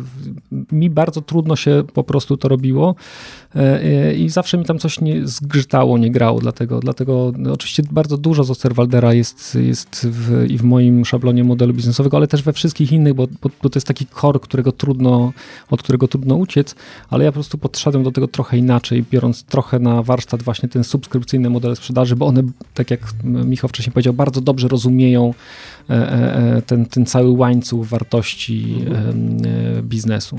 Ale budowanie wartości chyba też się pojawia na kanwasie. Tak, tak, ale mm, to, co teraz powiedziałeś, podpisuje się po tym jak najbardziej. Jak dla mnie też kwestią dotyczącą biznes model Canvas, co jest zarówno jego dużą zaletą, jak i na pewnym etapie zaczyna być coraz jego większą wadą, jest jego prostota, że to jest tylko 9 czynników, więc jeśli mamy totalnego świeżaka, który pierwszy raz usłyszał słowo segment klientów, to dla niego to jest o, czyli to idzie do tego i to już wszystko działa, prawda? A potem jak człowiek zaczyna, a minusem jest to, że właśnie z racji tego, że to jest tak proste e, narzędzie, pozwala na zbyt dużą ogólność. I trochę czasami e, się pływa po, w pojęciach, które są nie, nie trochę niedodefiniowane, To zależy, bo tak naprawdę od tego, ja się tutaj z tym nie zgodzę na przykład. ale nie, no, oczywiście, że kogoś dociśniesz, tak? I, Mhm, i bo- jak siebie dociśniesz pisząc to. Tylko, tak, że no bo to ci al- pozwoli, bo No. jeśli masz, powiedzmy, jak masz do uzupełnienia jeszcze nam 100 pól, to wiadomo, że ich szczegółowość będzie większa, niż jak masz 9, które są bardzo ogólne, tak? Pewnie, znaczy wydaje mi się, żeby nie było... Nie, w 100% też się z tym zgodzę. Natomiast faktycznie, jeśli dana osoba jako świeżak mm, wypełnia na przykład biznes model Canvas e, i patrząc na te informacje, które gdzieś tam są podane w tych polach, to to jest tego za mało, tak? Natomiast jeśli dana osoba już ma świadomość tego, że na przykład jest coś takiego jak persona, trzeba tą personę bardziej szczegółowo opisać i również w modelu biznesowym, najlepiej w tym konkretnym miejscu, później tą konkretną personę, czy w zasadzie najpierw propozycję wartości do, dopasować do konkretnej persony, później zastanowić się, żeby z tą konkretną personą się No widzisz, komunikować. to, ale tu już wchodzisz w rzeczy, które gdy ktoś trafia na kartkę 4, tego, tego, tego już tam nie widzi. Oczywiście, że tego nie widzi. I, I tutaj się z tym w 100% zgodzę, nie? że jakby bardzo często, przynajmniej tak z punktu mojego widzenia, jak ja później z tymi osobami pracuję, jeśli on dostaje ode mnie biznes model Canvas do wypełnienia bez jakiejś szczegółowej instrukcji, to robi wszystko bardzo ogólnie. Na ogólnych informacjach. Natomiast dopiero jak zaczyna pracę z ekspertem, który na przykład zna inne narzędzia, w jakiś sposób dopracować tą informację, to z tego mini modelu biznesowego robi się coś już dosyć doprecyzowanego, tak? Mhm. A to jest może moje tylko może mój punkt widzenia, bo nie znam twojego jeszcze narzędzia, więc Mhm. jeszcze. Jasne, znaczy tu oczywiście ogromną zaletą modelu Osterwaldera jest to, znaczy w ogóle on stworzył szablon, tak? Sam szablon to jest po prostu taki wspólny język komunikacji, tak? I to jest, to jest na pewno jego mm, e, wielką, wielką zaletą, że, że ten język wśród, nie wiem, osób, które pomagają, doradzają stworzyć takie modele biznesowe, czy nawet wśród przedsiębiorców jest już taki ogólnie znany. I to jest, oczywiście tego nie kwestionuję, to nie jest tak, że mój model jest, mój szablon jest wybitny, najlepszy i tak dalej. Jest na pewno dobrą alternatywą dla nowoczesnych biznesów. Nie ma też problemu, żeby, żeby swój biznes rozpisać w jednym i w drugim e, szablonie, no bo to też, to- jest zawsze, to nie jest czas stracony. tak? Myślenie o tym, jak ma biznes funk- ym, funkcjonować, jak ma działać, y, jak ma y, wyglądać model biznesowy, no to jest y, bardzo dobra inwestycja w przyszłość swojego biznesu po prostu. I tu, tu też nie ma się coś spieszyć z rozpisaniem takiego biznesu. Nie da się tego zrobić w jeden wieczór. Warto to zrobić po prostu dobrze, a później do tego jakiś, co jakiś czas wracać. Ja na Osterwalderze też czasem pracuję, bo rzeczywiście przy takich mm, no właśnie biznesach typowych, gdzie, gdzie nie ma jakichś dziwacznych rozwiązań, to jest po prostu produkuje śrubki e, e, e, i sprzedaje to hurtownikom, no to to w zupełności wystarcza i jest, jest ok. Natomiast rzeczywiście przy takich trochę bardziej skomplikowanych, no to ten poziom ogólności tam jest niewystarczający, no i nie ma tej ważnej części, bardzo ważnej dla mnie części, czyli takiego jasnego zdefiniowania, w jaki sposób będzie się pozyskiwać nowych klientów i w jaki sposób będzie się budować z nimi mm, relacje. Niby są tam takie pola, ale one są zwykle, mm, z mojego doświadczenia wynika tak mm, Po właśnie, czemu? no tak traktowane, wpiszę, no bo nie wiem, będziemy wysyłać do nich maile, nie? Tak, Paczki Ba- na bardzo- święta, kartki tak, na święta tak, tak, i tak, więc- odhaczone, więc, jedziemy dalej. No to trochę tak to wygląda. No tak, ale to znowu, będę dalej drążył. Czyli jeśli to dane pole jest, to tak naprawdę wszystko zależy od tego, kto to wypełnia, albo kto kogo pilnuje, jak to wypełni, pod względem tego, jak to będzie bardzo ogólne, albo jak to będzie bardzo szczegółowe. Bo znowu, w momencie, kiedy na przykład ja pracuję na modelu biznes, business model Canvas, e, rzadko kiedy proszę osobę, żeby na Canvasie e, odpis, odpowiedziała na te pytania, Mhm. bo po prostu jest za mało miejsca. Mhm. Bierzemy kartki i tak Nie, no naprawdę... bo Canvas myślę, że oryginalnie to powinien mieć wielkość stronę e, ściany tak naprawdę zero. z żółtymi kart- karteczkami co najmniej. Mateusz, wrócę do twojego py- pytania, No. jednego z pierwszych do mnie, czyli czego pragniesz? To ja bym pragnął, żeby przedsiębiorcy zaczęli w ogóle myśleć o modelu biznesowym. Trochę narzędzie nie ma znaczenia, nie? Znaczy to narzędzie e, moje, na, z mojej perspektywy sprawdza się w wielu wypadkach lepiej, e, ale to trochę nie ma znaczenia. Możesz to napisać w notatniku, możesz zrobić tak jak Jeff Bezos, nielubiany przez ciebie, zrobił to na karteczce na pierwszym spotkaniu ze swoimi menedżerami. Nie wiem, czy pewnie ty, Michał, widziałeś, bo ja pokazywałem ten przykład w, w tym rzeczywiście moim newsletterze, w tym moim kursie. No i narysował to na karteczce w postaci takiego, mm, to się nawet teraz na, na, na, nazywa Amazon Wheel, czy, czy coś Mhm. takiego, tak? Na, koło zamachowe Amazona. I to wystarczyło do tego, żeby, żeby powiedzieć, jak chcę, żeby ta moja firma działała. Więc trochę tylko taka metoda freestylu jest najtrudniejsza zawsze, tak? Znaczy narysuj swój biznes na, na kartce A4 pustej, no to wydaje mi się, że to rzadko kto sobie z tym jest w stanie poradzić, tak? No, żeby nawet nie wie, do czego, do czego ma podejść, ale oczywiście e, wie, wielu, e, wiele osób, które przechodziły mój kurs, e, ja gdzieś miałem takie zadanie w tym pierwszym, w trzecim chyba odcinku, żeby narysowali właśnie swój model biznesowy e, taką metodą trochę freestyle, czyli jak im się wydaje. I te niektóre rysunki były całkiem, całkiem fajne. E, i można by było spokojnie na tym bazować, nie trzeba by było żadnych do tego szablonów, natomiast po prostu szablony trochę ułatwiają życie i, i tyle. Nie? Więc nie ma, nie ma sensu nawet tutaj chyba y, się kłócić o to, który jest lepszy, bo... Ja nawet nie kłócę się, bo, nie? Tylko... No, bo, bo to pewnie wszystko zależy od, od e, jeśli, jeśli ty pracowałeś na Business Model Canvas, to pewnie łatwiej ci będzie na tym dalej pracować. E, e, Niekoniecznie. Mi już teraz jest trudniej. nie? Okej, nie, niekoniecznie, nie, nie jestem jakby radykalny pod względem przywiązywania się do konkretnych narzędzi, nie? tylko bardziej jakby próbuję trochę obronić też bi- biz- biznes model Canvas, patrząc na te kwestie związane z tym, o czym mówiliście. No ja się nie? nawet nie chciał porównywać do Stelwardela, bo to, bo to jest jak gdyby, wiesz, no to jest nie, nie, nie, nie ten rząd wielkości. Pewnie. E, nie jestem profesorem ekonomii i daleko mi do, do Aleksandra. Tak, y, że tam na pewno jest wykonany kawał roboty, to to powiedzieć, tak, że to cały świat generalnie wie o co chodzi i mamy pewne pojęcia, które Nie się... wie. Y, Jakieś cząstka osób na tym całym świecie wie. No tak, ale te, bym te tak które są zorientowane powiedzmy w jakiejś sferze rozwoju biznesu, no to generalnie jest coś, to jest, to jest gigantyczna robota, która została wykonana i super, że, że się dzieją rzeczy wokół tego. Y, Drobna dygresja, widzisz Mateusz, ty nie jesteś, jesteś Lucyferem, tylko z opóźnionym zapłonem. Też to tak sobie pomyślałem. Że widzisz, to jeszcze musimy popracować nad tym, żeby tam twoja ta magia tam działała Szybciej. Nie, nie, nie, w ciągu y, szybciej niż półtorej godziny. Go, go, godzinkę patrzenia w oczy, słuchaj, i po prostu nie, już nie, nie dałem rady, nie wytrzymałem. Kurde, no muszę powiedzieć. E, Coś, co uważam, że w Twoim e, pomyśle, w Twoim modelu jest super i już odchodząc też od e, modelu e, Canvas, ogólnie bardzo często przedsiębiorcy zapominają, to są wskaźniki efektywności miary, i miary sukcesu, że no nie ma tych twardych danych, które pokazują, to jest, to było zrobione dobrze, to było zrobione źle i jasno to mierzymy. Znaczy, temat, moglibyśmy pewnie o tym cały odcinek nagrać, Dokładnie.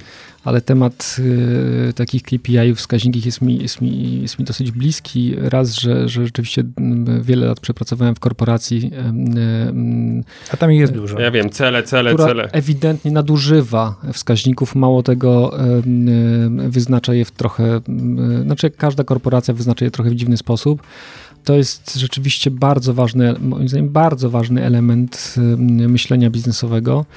E, e, No naj, najgorsze, co można zrobić, to znaczy po pierwsze trzeba sobie wyznaczyć jakieś wskaźniki, jak, jakieś cele, jakieś KPI, no, no bo skąd będziesz wiedział, że się zbliżasz e, e, do tego swojego celu i że, że samo, sam stan konta ci o tym nie powie. Metoda SMART wystarczy? E, Wiesz co, ja tam proponuję metodę smart, nawet taką rozszerzoną trochę smarter.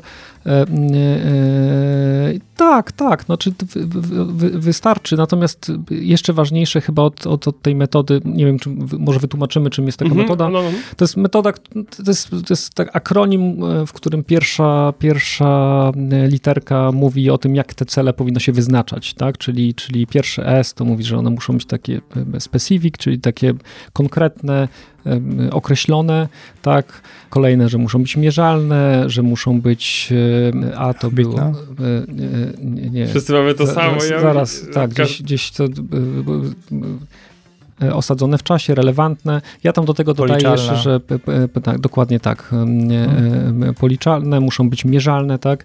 Mm, Ja do tego dodaję, że powinny być jeszcze trochę ekscytujące, to znaczy to nie może być nudny cel, który trudno się mm, em, Realizuje. realizuje. No i dobrze, jak one byłyby jeszcze e, e, e, gdzieś zapisane e, i najlepiej w jakiś sposób ra raportowane. Znalazłeś. e, Znalazłem e, ogólnie tak, Mhm. że skonkretyzowane, mierzalne, akceptowalne, realne, terminowe. Mhm. Takie, A że po- znałem, że po bardziej, że bardziej ambitnym. No No, to- jest, jest tych metod na wyznaczanie celów no. sporo, ale generalnie rzeczywiście taki, taki smarter to jest ok. Ja, ja też tu stworzyłem trochę taki własny, własny sposób patrzenia na cele i on moim zdaniem dosyć jest, jest sensowny. On, on bazuje trochę na takiej metodzie e, 4DX, e, bodajże Coveya. Podawałem tą książkę, w 2010 wyszła polska edycja, e, e, cztery dyscypliny, e, mogę się pomylić, efektywności. E, Nie pamiętam dokładnie tej nazwy. Natomiast e, to jest tak, że czy ja dzielę te cele na, na trzy typy, na takie cele wynikowe, nie? czyli na przykład zysk, przychody, no takie rzeczy, na które trochę nie masz wpływu. To znaczy, dowiesz się, czy je zrealizowałeś dopiero jak zamkniesz miesiąc. Nie? I to są takie cele, cele, mm, cele wynikowe, takie wskaźniki kierunkowe, które pozwalają ci złapać wcześniej, czy, czy te wynikowe dowiedziesz, nie? Czyli wiesz, że jeśli co tydzień sprzedasz ileś, albo em, e, zrobisz tyle, tyle, a tyle transakcji, albo będziesz miał tyle i tyle klientów, no to uda ci się zrealizować te cele m, wynikowe. No i takie, i takie cele, y, ja to nazywam trochę, trochę taki long term, czyli takie długofalowe, które nie mają wpływu na bieżący biznes, tak, ale warto je monitorować, warto na nie patrzeć, na przykład, wiesz, no, licz- liczba subskrybentów newslettera albo liczba e, e, słuchaczy waszego podcastu, no to nie jest wskaźnik, który e, przekłada się bezpośrednio na biznes, no bo ważnie, ważniejsze jest, żeby wśród tych słuchaczy byli właściwe, były właściwe osoby, no ale warto jednak ten wskaźnik gdzieś tam monitorować, no bo jeśli Ale dla sponsorów już tak. Jeśli rzeczywiście model biznesowy opiera się na tym, że, że będziecie chcieli zaoferować obecność, e, czy oferujecie obecność w swoim podcaście firmom, a te firmy są e, na tyle nierozważne, że dla nich liczy się tylko ilość subskrybentów, no to oczywiście to jest wskaźnik, który jest, e, jest istotny, ale w większości wypadków liczba fanów na Facebooku no, nie przekłada się na nic. Tak? Tym bardziej, że możemy ich kupić. E, Można ich Jeszcze kupić, można ich pozyskać. Tak. Właśnie. E, czte, e, cztery dyscypliny realizacji. cztery dyscypliny realizacji. Rzeczywiście polskie tłumaczenie ma bug, moim zdaniem tłumaczeniowy, bo tam te, te, te, te wynikowe, one są tłumaczone w ogóle po angielsku, to jest lack measures, to one są tłumaczone jako kluczowe, więc wprowadza duże zamieszanie, bo, bo, bo kluczowe tłumaczy się w ogóle wszystkie KPI są kluczowe, więc, więc tam bym sugerował no, wziąć pod uwagę, że to tłumaczenie tam jest nie, nie do końca dobre. No, to żeśmy troszkę pogadali. Mógłbym tak długo, ale... Do, domyślam się. Dobrze, to teraz y, przejdźmy do konkretnego modelu biznesowego. Ale nie, to może najpierw zamiast, zamiast do tego. To jak jest twoje dlaczego? Powiedzieliśmy przed chwilą o Simon Sinek. To jak jest twoje dlaczego? Ale wyskoczył? A, prawda? My tutaj w podcaście, wiadomo, wyjeżdżamy. Podlecił najpierw- strzała. najpierw pytanie o sens życia, prawda? A potem będą trudniejsze. No to to jest właśnie jedno z tych. Nie, moje dlaczego jest dosyć proste. Ja bardzo lubię pomagać. Zresztą każdy, kto mnie teraz słucha, ze mną współpracował, to wie, że bardzo chętnie zawsze dzieliłem się, nawet w korporacji dzieliłem się wiedzą. Bardzo chęt, chę, chętnie wspomagałem we wszystkich działaniach, gdzieś uczestniczyłem w różnego rodzaju projektach, więc em, moje dlaczego jest takie, moje dlaczego jest proste. Ja generalnie lubię pomagać innym w robieniu różnych rzeczy. Po, lubię pomagać przedsiębiorcom, lubię pomagać i małym, i dużym, i tym, którzy chcą założyć własny biznes. Po prostu to, to, to jest moje to takie dosyć proste dlaczego. To jest To taka, by mamy podobne dlaczego, patrząc na te działania e, stowarzyszeniowe. To, to jest coś takiego właśnie, co chyba wszystkie osoby, które mają jakiś taki związek z NGO-sami i z jakimś takim dzieleniem się wiedzą, muszą mieć mocno osadzone, Mhm. prawda? Bo inaczej to nie działa. Dobra, super, że chcesz pomagać, ale ja jestem chyba obecny na dziewiątym odcinku kursu i no w tych modelach powiedzmy siedzę Pierwszej sobie... pomocy od- chyba. Musiałem, mów dalej. I jak słyszycie, drodzy słuchacze, Piotr jest dalej z nami w studio, to, to nie jest przypadek, jest, jesteś Jest Piotrze? po pierwszej pomocy. Tak, tak, ja absolutnie nie rozumiem nic od, y, z tego, co, co, co mówicie, ale jestem z wami i... Duchem i, ciałem. Duchem i ciałem jestem takim, wiesz, dobrym duchem tego, tego, tego odcinka. Mhm, e, czujemy. E, A w związku z tym, wracając do tematu. Ja modele biznesowe poznałem, tak patrzę sobie teraz, niecałe 9 lat temu, chyba to będzie 8,5, coś takiego. No i przez ten czas staram się trzymać rękę na pulsie. I nie znalazłem na polskim rynku takiej ilości wartości, jeśli chodzi o tworzenie modelu biznesowego, jaką ty dostarczasz w ramach swojego kursu, a, jestem, a jeszcze go nie skończyłem. Dlaczego to jest za darmo? Serio, co jest grane? I ja sobie szukam, mówię na twojej stronie, mówię, a to na pewno będzie, to jest e, wersja demo i tam jest do sprzedaż, bo jest wersja 24. No nie widzę opcji kup teraz. Why? Nie ma Leo, why? I to nie, i odpowiedź nie jest for money, to jak widać od razu. E, Tak, znaczy oczywiście nie, nie ma tam opcji kup teraz, e, chociaż dostałem dużo takich zapytań, czy, czy, czy mógłbym przygotować takiego PDF-a i z tym wszystkim i, i ktoś mi za to zapłaci. No tak, e, to jest rzeczywiście, ale mówiąc tak szczerze, nie żebym do tej pory nie mówił Nie, szczerze. rozumiemy, rozumiemy, wiadomo. Ale rzeczywiście mam w głowie też pewien model biznesowy, który, który wokół, wokół tego stoi, bo, bo to, co ja daję w tej chwili, no to przede wszystkim mi pomogło w uporządkowaniu pewnej wiedzy. Wiecie też dobrze, że, że, że wielu przedsiębiorców mogłoby przeczytać sobie niejedną książkę i nic im to nie da. E, Potrzebują rzeczywiście takiego wsparcia. Zresztą każdy potrzebuje, e, potrzebuje rzeczywiście zderzenia z, z myśleniem, e, z innym myśleniem, żeby, żeby mm, się, wiecie, no, ba, bardzo łatwo się zamknąć w przekonaniu, że mój pomysł jest genialny, ale, ale zderzenie to przynajmniej z, z drugim człowiekiem no, pomaga zejść na ziemię. Byleby nie z rodziny najbliższej. No, zależy, czy cię lubi, czy nie, no nie wiem. O, Że cię nie lubi teściowa, to ci pewnie wygarnie, że, że masz głupi pomysł. Może tak być. E, e, Więc no ja oczywiście, no, jak na początku powiedzieliśmy, prowadzę pewien biznes konsultacyjny, więc, e, więc jeśli komuś to wystarczy, ta wiedza wystarczy i będzie w stanie sobie na, tej bazie zbudować swój model biznesowy i, i w czymś mu to pomoże, to jest ok. Jeśli komuś nie wystarczy, no to oczywiście Wiadomo. skieruje się do mnie. Czy to jest Myśl- początek lejka sprzedażowego? W pewnym sensie tak. W pewnym sensie tak, e, aczkolwiek to jest raczej taka trochę lejek sprzedażowy i trochę propozycja wartości, czyli od, od razu możesz się zapoznać, e, z czym będziesz miał do czynienia. Nie, e, Natomiast no mam w planach stworzenie takiego kursu płatnego, no bo oczywiście wiecie, ten, ten kurs ma formę wysyłanych co tydzień odcinków w postaci e-maili. E, Nigdy się tak nie umęczyłem, jak próbując e, opisać coś e, w, w e-mailu, czy w ogóle tekstowo, jak wystarczyłoby to pokazać po prostu, albo o tym opowiedzieć w dwie minuty bym powiedział to, co pisałem tam przez trzy godziny, żeby dało się to przeczytać.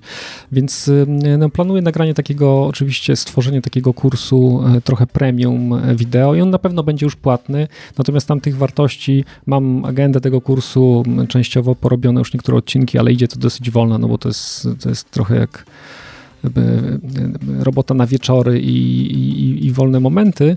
Mm, e, No i jeśli odpalę e, coś takiego, to pewnie to będzie, będzie to sobie też funkcjonowało. Natomiast model biznesowy mój zakłada coś takiego, że, że ja nie będę w stanie obsłużyć wszystkich małych przedsiębiorców. Więc w tym sensie ten, ten kurs, no ten podstawowy, ten bezpłatny i ten kurs płatny premium, który powstanie, on będzie mnie trochę odciążał od, e, od pomocy małych przedsiębiorców, którzy no, nie będą gotowi na to, żeby usiąść ze mną na, na, na, na 10-20 godzin i sfinansować tą moją obecność. Będą mogli za ułamek tej kwoty kupić sobie dostęp do kursu i część rzeczy zrobić po prostu samodzielnie. No, tak, tak to też funkcjonuje. E, e, I wydaje mi się, to jest dosyć uczciwe podejście, bo, e, no, no, no bo sam model biznesowy usługodawcy, w jakim ja działam, czyli takiego konsultanta biznesowego, ma jedną wielką wadę, czyli ja sprzedaję swoje godziny, a tych godzin mam e, umiarkowanie dużo. E, Na pewno nie więcej niż 24 godziny na dobę, więc, e, więc jest w tym samym modelu jest takie ograniczenie mm, mm, rozwoju, że no musiałem coś wymyśleć, żeby, żeby można było mm, wyskoczyć poza ramy tego właśnie modelu Jasne. biznesowego. Byłem właśnie ciekawy, co, co odpowiesz i jak, jaki jest na to pomysł, bo tak mówię, no relacja wartości do ceny u ciebie jest nieporównywalna. Czy jeśli coś jest za darmo, to, to każda wartość ma, Nie, ta nie, relacja nie. będzie nieskończona. A, no tak, ale, Ja zawsze mówię to- przedsiębiorcom, że nie ma nic za darmo. tak, no tutaj Nie ma darmowych obiadów? Też nie ma. pięknie. Ja uważam, słuchajcie, że jest naprawdę, w, jeśli ktoś chce, to, to znajdzie całe mnóstwo y, rze- rzeczy naprawdę bezpłatnych i, i może skorzystać. Y, No, tylko płaci oczywiście nie pieniędzmi, płaci swoim czasem, tak? Znaczy, Czasami źle zainwestowanym. samo, samo znalezienie tych rzeczy jest stosunkowo y, czasochłonne, y, ale jeszcze chyba ważniejsze i bardziej kosztowne jest upewnienie się, że to, co, do czego dotarł, jest wartościowe, ma, ma sens, jest wiarygodne, tak? Bo, no, bo, no bo za samą taką rzecz warto czasem zapłacić, żeby, e, e, żeby nie korzystać potem z e, informacji, które okażą się po prostu, no, no nie wiem, no, jakiś, mm, nie chcę powiedzieć kto, ale ktoś sobie coś tam wymyślił Niezgodne z prawdą. niezgodne z prawdą, albo, albo nie, nie pomagają za bardzo. Jacy wy delikatni. Albo są do dupy po prostu, jak, żeby już O, nie było to, delikatnie. to jest język naszego podcastu, prawda Piotruś? Tak, do dupy. Tak. A to, to gdzie w takim razie nasi słuchacze ten kurs mogą znaleźć? Eee, W internecie, to wiem. Oczywiście niech szukają. Nie, nie no, jest, tak, jest, niedostępności. No i dziękuję bardzo. jest strona e, Business Wiser e, pisane po angielsku, czyli businesswiser.pl. E, Damy pewnie w jakichś tam komentarzach. Damy, Jest, damy. mo- Dwa mo- S na końcu, pamiętajcie, bo to... mo- Przy biznesie, w biznesie. Tak, tak, tak, I tak. to jest bez S. Nie, z S. Dobra. Oczywiście można znaleźć mnie e, na LinkedInie generalnie, to jest moje e, je- jedyne medium społecznościowe, w którym jestem w stanie coś tam regularnie jeszcze umieszczać i obserwować, więc proponuję znaleźć mnie na LinkedInie. Imię, nazwisko chyba tam i, i, i da się znaleźć. Innych paczuckich też da się znaleźć, ale, Ale to nie, nie ma co szukać. ale nie ma tak, co tam, szukać. Tam, Nie, tam, nie. tam nie szukajmy. Dobrze, Żyjmy spokojnie. to skoro już mamy temat modelu biznesowego za sobą i jeszcze nam zostało minutka czy dwie, to ja bym chciał cię podpytać o twoje o twój głos w niezwykle ważnej dyskusji, jaka tutaj toczy się na antenie naszego podcastu. Eee, tu się już lała niemalże krew. Gdyby nie to, że Kamil Kozioł był z nami elektronicznie, a nie na żywo, to by ściany były oblane krwią. Elektryki czy spalinówki? O super, że spalinówki. O, ja wi- widzę, że to jest cegła. Przyjechałem do was hybrydą. O. Więc y, trochę pomiędzy, nie? Znaczy, y, ja uważam, że nie ma odwrotu. Y, Oczywiście elektryki. Elektryki, ja nie, myślę, że za, za 20 lat, czy może za 30 będziemy się zastanawiać, kto wymyślił coś takiego jak samochód spalinowy. To jest, to jest, to jest bez sensu generalnie, żeby każdy woził ze sobą elektrownię. E, Więc na siłą rzeczy samochody elektryczne są przyszłością. I mało bym się na tę chwilę przejmował e, e, tymi problemami, które, które e, wszyscy podnoszą, jeśli chodzi o, o, o to zło wynikające z produkcji akumulatorów, czy ich utylizacji i tak. Na razie się nie musimy tym przejmować. Najlepszy elektryczny silnik, jaki słyszałem. No to powiem ci, Piotr, właśnie, Piotr, robisz coś fantastycznego, czyli zobacz, możesz do swojego elektryka podłożyć dowolny klank Dolby silnika. I wypuścić go jak chcesz. Nie, nie to, że jesteś uwikłany tym swoim jednym Lamborghini i nie da rady nic zrobić, tylko po prostu zmieniasz sobie, aktualizujesz software. Tak, tak. I- i Skoda już masz, to tak. wprowadziła. No, W Skodzie hybrydowej, jak jedziesz elektrykiem, możesz sobie włączyć, czy chcesz y, sport. Jak masz sport, to masz takie, wiesz, 7-litrowy. A, pa, tak głupie pytanie mam. Je, jeździliście elektrykiem już kiedyś? Tak. Tak, Jak wrażenie? fajnie. Trzeba delikatnie na pedale gazu. U- uważniam. Tak, i, i w wersji sportu trzeba uważać. Ja ze swoją hybrydą mam tylko jeden problem. Generalnie teraz, y, y, szczególnie jak byłem na wakacjach, zrobiłem głupią rzecz. Pojechałem do takiej nadmorskiego kurortu, w którym główna droga jest jednocześnie głównym deptakiem. E, e, I ta moja hybryda oczywiście przy małych prędkościach jedzie na silniku elektrycznym. Nikt nie słyszał. Musiałem jechać z prędkością tłumu, niestety, czyli 3 na godzinę, no bo, no bo albo zatrąbię i wtedy Megafon, ludzie... Przy, megafon. no właśnie się nie da. Nie da się przegazować, nie da się nic zrobić. No nie, po prostu się nie da. Więc dopiero jak mi się skończyła zapasy w tym, bo, bo, bo ta rzeczywiście ta bateria pozwala na przejechanie może dwóch kilometrów. Jak, jak mi się skończyły zapasy w baterii, włączył się silnik, to dopiero ludzie zaczęli ustępować. A Czyli, to jest je- czyli rozumiem, że Toyota. Eee, de, tak. w, dużym, w dużym skrócie tak. Właśnie, ja sobie zostawiłem specjalnie tego newsa na koniec, bo i, byłem ciekawy twojej odpowiedzi, bo, bo wiadomo, są takie osoby jak Piotr, które Nie są ciekawe. burgera polewają po prostu olejem napędowym i wtedy uznają, że smakuje najlepiej. Ale właśnie, nie wiem, czy wymienię dobrze nazwę firmy, Gag Ion, Gats Ion, a, jako marka chiński producent samochodów elektrycznych, wprowadza właśnie akumulatory oparte na grafenie. A my mieliśmy być potęgą grafenową. No to trudno na Ale Chiny. my- Mieli być- Uwaga, Perowski tylko zostaną. uwaga, w wersji, e, no tej, naj, naj, chyba to będzie najwyższa, zasięg na w pełni naładowanym akumulatorze 1000 kilometrów. Ale to już tysiąc są podawane, ale pytanie, jaka będzie w, Ale nawet jeśli wiesz, taki ob, ob, faktyczny. wiesz, masz, teraz są auta powiedzmy mają, które mają 500, przejeżdżają 400, no to 1000 spadnie do 800? No, Sorry, to jest dalej bug. a tak Tesla. Tesla też już ma tysiąc chyba. No ale chodzi o I też spadnie do nowa 800. technologia, także no jest naprawdę, e, zasięgi rosną, to już nie jest przejeżdżanie. A po co więcej? A ty Ja- Piotruś ile robisz na baku? 200? Tysiąc. Ja też. Ja też. No widzisz. To chyba jakimś ekonomicznie jeździsz. A pytasz, jak nieekonomicznie jeżdżę, to 200. A to najlepszą rekomendacją do elektryków jest chyba, to, no bo moi koledzy z Autoświata, y, pozdrawiam wszystkich, jak y, przyszedłem do nich, no to twierdzili że rzeczywiście, że elektryk to jest samochód z, z silnikiem od kosiarki, to jest bez sensu. E, Natomiast chyba teraz całkiem zmienili zdanie, porobili parę testów, pojeździli, em, zrobili sobie nawet wakacje elektrykiem. Okazało się, że można już po Polsce jeździć, chociaż jest to jeszcze trochę upierdliwe. No wymaga takiej E, e, elastyczności. Tak, tak. Agregatora z tyłu. dobrego planowania, jak wszystko. Więc, więc wydaje mi się, że, że teraz zmienili całkiem przekonanie i, i też już widzą, że e, nie, nie ma odwrotu od tej rewolucji. Po prostu nie da rady. Jasne, super. No właśnie mówię, no mamy tutaj branżowy Miód głos, na moje więc serce. tak, że A czekamy, Piotrusiowi się czekamy parę zrobiło. lat i myślę, że tutaj faktycznie będzie tak, jak powiedziałeś. Będziemy się zastanawiać, jak to było, gdy Piotr jeździł w jakimś tam... Ale Piotr dalej sobie może jeździć. Właśnie wiesz, no, zawsze można e, Ale dać ludziom szansę. rejestrację. Żółtą rejestrację, albo, albo go nie wpuszczą na wiele dróg, ale gdzieś tam e, e, Będziesz sobie po polach, wokół komina. e, albo na jakichś Tak. torach, będzie sobie można pewnie pojeździć, no nie ma problemu. Strasznie mi smutno. To już wolę w Polskim Ładzie rozmawiać. A przy mikrofonach Dobrze, to dzięki e, słuchacze za obecność podczas tego odcinka. Oczywiście mamy nadzieję, że Wam się podobało. Serdecznie zapraszamy na businesswiser.pl. Zapraszamy też do zostawiania pięciogwiazdkowych recenzji, bo Piotr ewidentnie by bardzo chciał. Więc jeśli słuchasz ty konkretnie słuchaczu tego, to zostaw ty konkretnie nam pięciogwiazdkową Napisz- recenzję. I napisz cokolwiek.